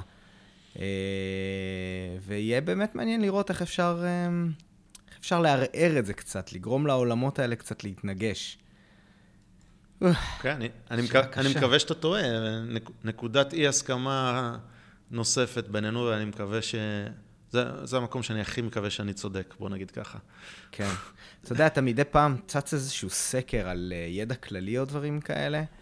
באמת, אני לא יודע, הייתי שמח מאוד לגלות שמי שמנהל את הסקרים האלה, יש לו איזו בעיה רעיונית באיך שהוא מציג את השאלות או דברים כאלה, ו- ולכן זה, זה, זה נועד להכשיל את כל מי שעונה עליהם, אבל אתה, אתה קורא לפעמים סקרים ואתה מסתכל באחוזים על, על, על ידע ובקיאות של אנשים בכל מיני נושאים.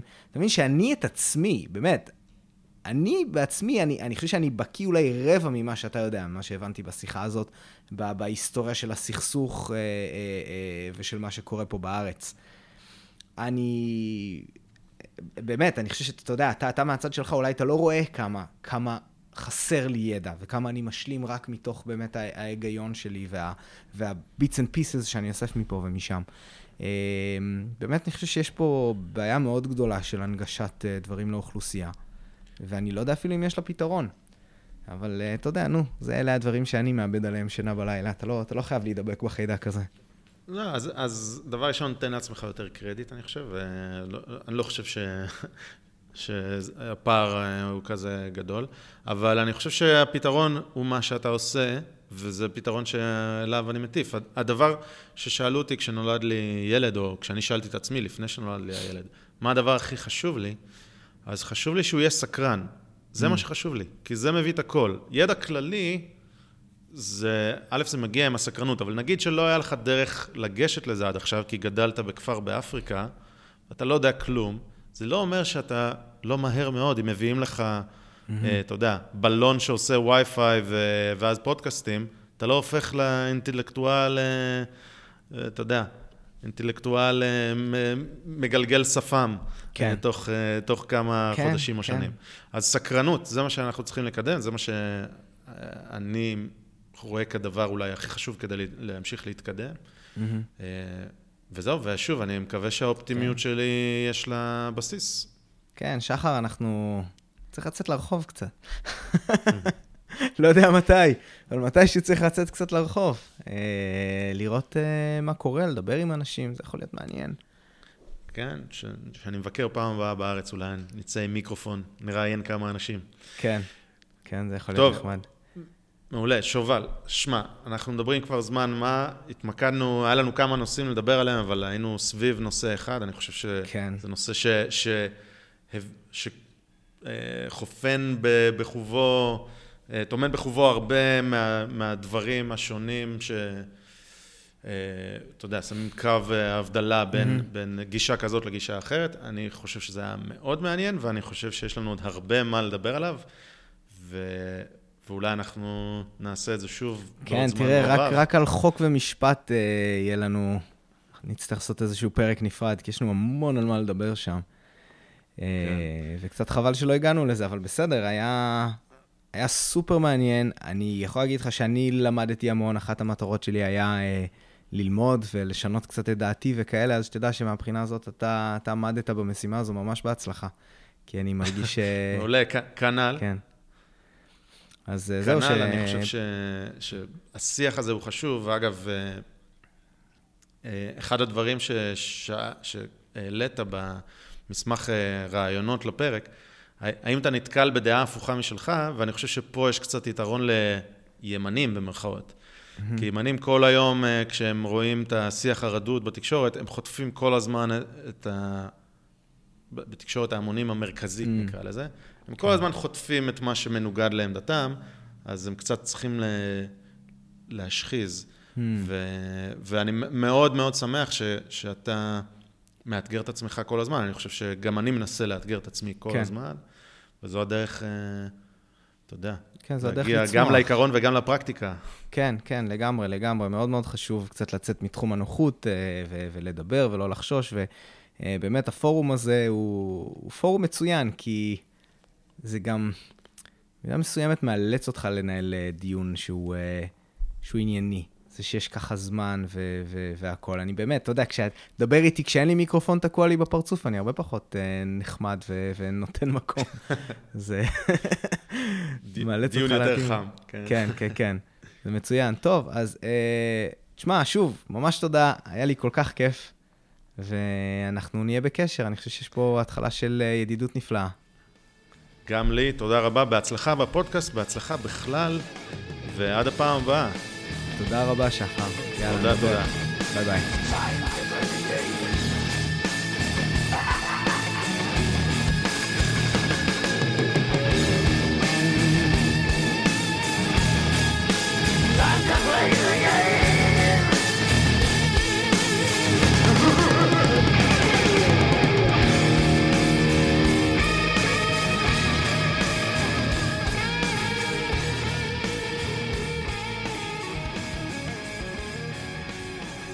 אם אתם רוצים את הפודקאסט הזה בעל ערך, אז תכתבו לנו תגובות באתר, באימייל, תעקבו אחרינו ביוטיוב, בטוויטר, צייצו אותנו, או תשתפו אותנו לחבריכם, כשעוד אנשים ישמעו ויוכלו להאזין, כי אם מצאתם את זה שוב בעל ערך, אז אולי זה שווה.